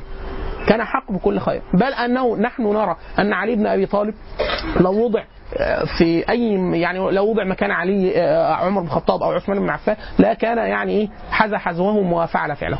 وهو كثير جدا في بعض ال- زي القران القرآن أيام عثمان بن عفان وتجميع الناس على المصحف الواحد وكذا فيقول والله يعني أنا لو لو وددت لو كنت صاحبه. يعني أنا لو كنت لو أنا لو لحقت الموضوع ده كنت أنا في أيامي كنت عملت كده برضه. خلاص؟ ولكن هي بس إيه السابقة والفضيلة. وأن يبتلى الناس في علي بن أبي طالب إما محب غالي أو مبغض جافي. تمام؟ آه، بيعت سيدنا أبو بكر الصديق أبو بكر الصديق من غرائب سيدنا أبو بكر الصديق أنه استخلف عامين فقط. على كل ما فعله أبو بكر الصديق في, في العامين. واحد قلب أبو بكر الصديق. قلب أبو بكر الصديق أنه بعد وفاة النبي صلى الله عليه وسلم تقريبا لو بنسبة رقمية نقدر نقول ارتدت 85% من الجزيرة العربية. ليه؟ لم يبقى على الإسلام إلا مكة المدينة والطائف وجواثه في البحرين وبعض قبائل العرب بعضهم بعضهم يعني يعني بني أسد ارتدت واتبعت مثلا آه، آه، طليح الأسدي. وجزء من بني أسد ظلوا على الإسلام. آه، جزء كبير جدا من ثقيف ارتد وبعضهم بقي على الإسلام. وهكذا. لكن كل العرب ارتدوا. ما بين؟ إما مرتد عائد إلى الوثنيه وإما متبع نبي كاذب مسيلمة الكذاب أو طليح الأسدي أو الاسود العنسي في حياة النبي صلى الله عليه وسلم أو سجاح المرأة التي ادعت النبوة أو ملك بن نوير أو زتاج ملك عمان الذي ادعى النبوة. إما مد- مدعي نبوة إما واحد آه، عائد للإسلام أو مانع زكاة. مانع الزكاة يقول لك والله هو إحنا كنا بندفع ضريبة ما لمحمد بشخصه. صلى الله على محمد. ولكن بوفاة النبي صلى الله عليه وسلم وكأنها طريقة الأحلاف في الجاهلية. إحنا بدي تاوى رقمية كنا بندفعها وفاة الشخص اللي كنا بندفعها له خلاص ده للسبب. وكأنها ليست شعيرة أو عبادة. يعني تصور الإسلام عند هؤلاء الناس لم يكن مستقر بهذا الاستقرار. آه، إحنا بنصوم بنصلي وبتاع بس إيه؟ الزكاة دي قدر ما إحنا كنا بنبعته للنبي كشخص. لكن خلاص آه، ليه أخ- أبو بكر ياخده ليه؟ خلاص. فهذه الأقسام تقسمت. ثم اجترأ الناس على المدينة. من بعض من الناس اللي هو ارتدت هاجموا المدينة. آه مثلا زوبيان وغطفان وبعض بنو آه آه أسد وبتاع هاجموا المدينة مرتين. في أول خلافة سيدنا أبو بكر الصديق. خلاص؟ ال ال ال التصور الأول عند أبو بكر الصديق أنه ده, ده, ده, حاجة مهمة جدا فكرة قلب أبو بكر الصديق أن جميع الصحابة رأوا الا يقاتلوا العرب على الأقل منع الزكاة. على الأقل منع الزكاة. يعني سيدنا عمر الخطاب قال له يعني العرب اللي منعوا الزكاة آه، يعني آه، ارفق بهم. بلاش العرب بالذات العرب اللي منعوا الزكاة. لكن اللي, ارتد مثلا ولا بتاع هو ده اللي هنحاربه. خلاص؟ هنا بقى دي نقطة مهمة جدا نقطة مهمة جدا. المدينة المدينة اعتدي عليها. خلاص؟ والناس معظم الناس ارتد. وإما منع يعني فكرة ال- ال- ال- الحمل الناس بالقوة مستبعد. ليه؟ لأن دي عدد قليل جدا في مقابل عدد كثير جدا بل معظم الجزيرة دي أسلم بعد الوفود. عامل وفود عامل وفود ده بعد صلح الحديبية إحنا بنتكلم بعد في ناس لسه كل دول أسلموا لسه ليهم إيه؟ أربع سنين. النبي صلى الله عليه وسلم توفي عام 10 هجرة. فهو عامل وفود من 6 7 فده ليه ثلاث سنين 10 أربع سنين أسلم. فكل الأرقام دي خارج الإسلام. أن يأخذ أبو بكر واحد قرار. قرار. أنه لا والله لا ينقص الدين وأنا حي. يعني لو كان النبي صلى الله عليه وسلم حيا وقام الناس على قلب رجل واحد لا قاتله النبي صلى الله عليه وسلم جميعا ولم يألو جهد في ذلك. حتى إن عمر بن الخطاب يعني أخبره يعني تقاتل الناس وحدك. يعني مين هيحارب معاك؟ ده إحنا العدد قليل جدا. فقال أحاربه وحدي ولو تنفل ولا انفلتت سالفتي يعني أنا لو وحدي بس والسالفة اللي هو يعني جانبي العنق. يعني لا لا تنفرد السالفة إلا لو قتل الرجل. فيقول أنا أقاتلهم وحدي ولو قتلت. هذا أمر. هذا أمر. الأمر الثالث وده الأهم جدا أنه فهم الدين ككل غير قابل للتبعيض. حقيقة الإسلام. يعني أبو بكر الصديق قاتل على حقيقة الإسلام. فلولا أبو بكر الصديق لجزأ الناس الإسلام. هم الناس قالوا له إحنا هنعمل كل حاجة إلا الزكاة. يعني أنا هصوم وأصلي وأحج وأعتمر وأعمل كل حاجة يا أخي. بس مش مش هزكي فإيه فسيدنا عمر قال له إيه؟ قال له كيف تقاتلهم؟ وقد قال النبي صلى الله عليه وسلم أمرت بأن أقاتل الناس حتى يشهدوا أن لا إله إلا الله. فإن قالوها عصموا مني أموالهم ودماءهم. فقال له إلا بحقها والحديث طبعا إحنا كمتأخرين إحنا هم بياخدوا من بق النبي صلى الله عليه وسلم. إحنا الشاهد اللي وارد عندنا في الصحيح أنه الرواية صحيح مسلم أنه إيه؟ إلا بحقها وحق الصلاة والزكاة. لكن أبو بكر الصديق وهذا ما فهمه من طول صحبة النبي صلى الله عليه وسلم ومن مشاهده مشاهده للتنزيل. وهو ينزل على قلب محمد أنه الإسلام كل واحد لا يتجزأ. فأخبره بذلك قال والله لأقاتلن من فرق بين الصلاة والزكاة. يعني اللي هيقول له صلي وما زكيش حربه أكنه كان بيقول لي اعمل كل فرض الإسلام وما اصليش الاثنين واحد. الاثنين واحد. وبهذا حافظ أبو بكر الصديق رضي الله عنه الإسلام على الناس حتى لا ياتي آتي بعد النبي صلى الله عليه وسلم فيزعم أن الأمر لم يتم أو أن الأمر فيه مستدرك. يقول لك أصل ما فهموش أصل الأحداث أصل الواقع أصل خلاص. الأمر اليوم أكملت لكم دينكم وأتممت عليكم نعمتي ورضيت لكم الإسلام دينا. هذا هذا التمام. هذا هو الذي حارب عليه أبو بكر الصديق. والله لاقاتلن من فرق بين الصلاة والزكاة. هذا الذي عصم به الله عز وجل به الأمة. فعل أبو بكر الصديق بل قلب أبو بكر الصديق. بل قلب أبو بكر الصديق. حتى أن الصحابة لما رأوا أن أبو بكر الصديق الصحابة كلهم في كفة وأبو بكر الصديق في كفة لما رأوا أن هذا القلب قلب أبو بكر الصديق قد مال إلى هذا علموا أن أن معه الحق. دي حاجة مهمة جدا إن هي فكرة مش عدد. إن هي فكرة إيه؟ قلب وهيئة خاصة بهذا القلب. سؤالك ونختم ونستكمل إن شاء الله يعني لأن يتبقى طبعا لنا جزء عن سيدنا أبو بكر الصديق ونستكمل حديثنا عن فاروق عمر رضي الله عنه المرة القادمة. لكن ناخد سؤالك. وحروب الردة دي وأحد الروايات لسه هن- هنتكلم فيها بالتفصيل إن شاء الله. عن عن الشيعة اللي بيقولوا إن هم الناس ما رفضوش إن هم يدفعوا الزكاة رفضا للفرد. ولكن رفضا إن هم يعطوها لأبو بكر. ما كانش فيه لشخصه لشخص بالظبط. رفضا لوجوده كخليفه فبالتالي مش عايزين يدوا الزكاه ليه فإيه الرد على عدم صحة الرواية؟ هو إحنا نتوسع إن شاء الله المرة الجاية في في حروب الردة. آه لكن آه إحنا عايزين في ال- التاريخ ميزته إيه؟ آه، إن هو لطيف جدا. ليه لطيف جدا؟ إن اللي منع الزكاة ده عاش. يعني ما اختفاش.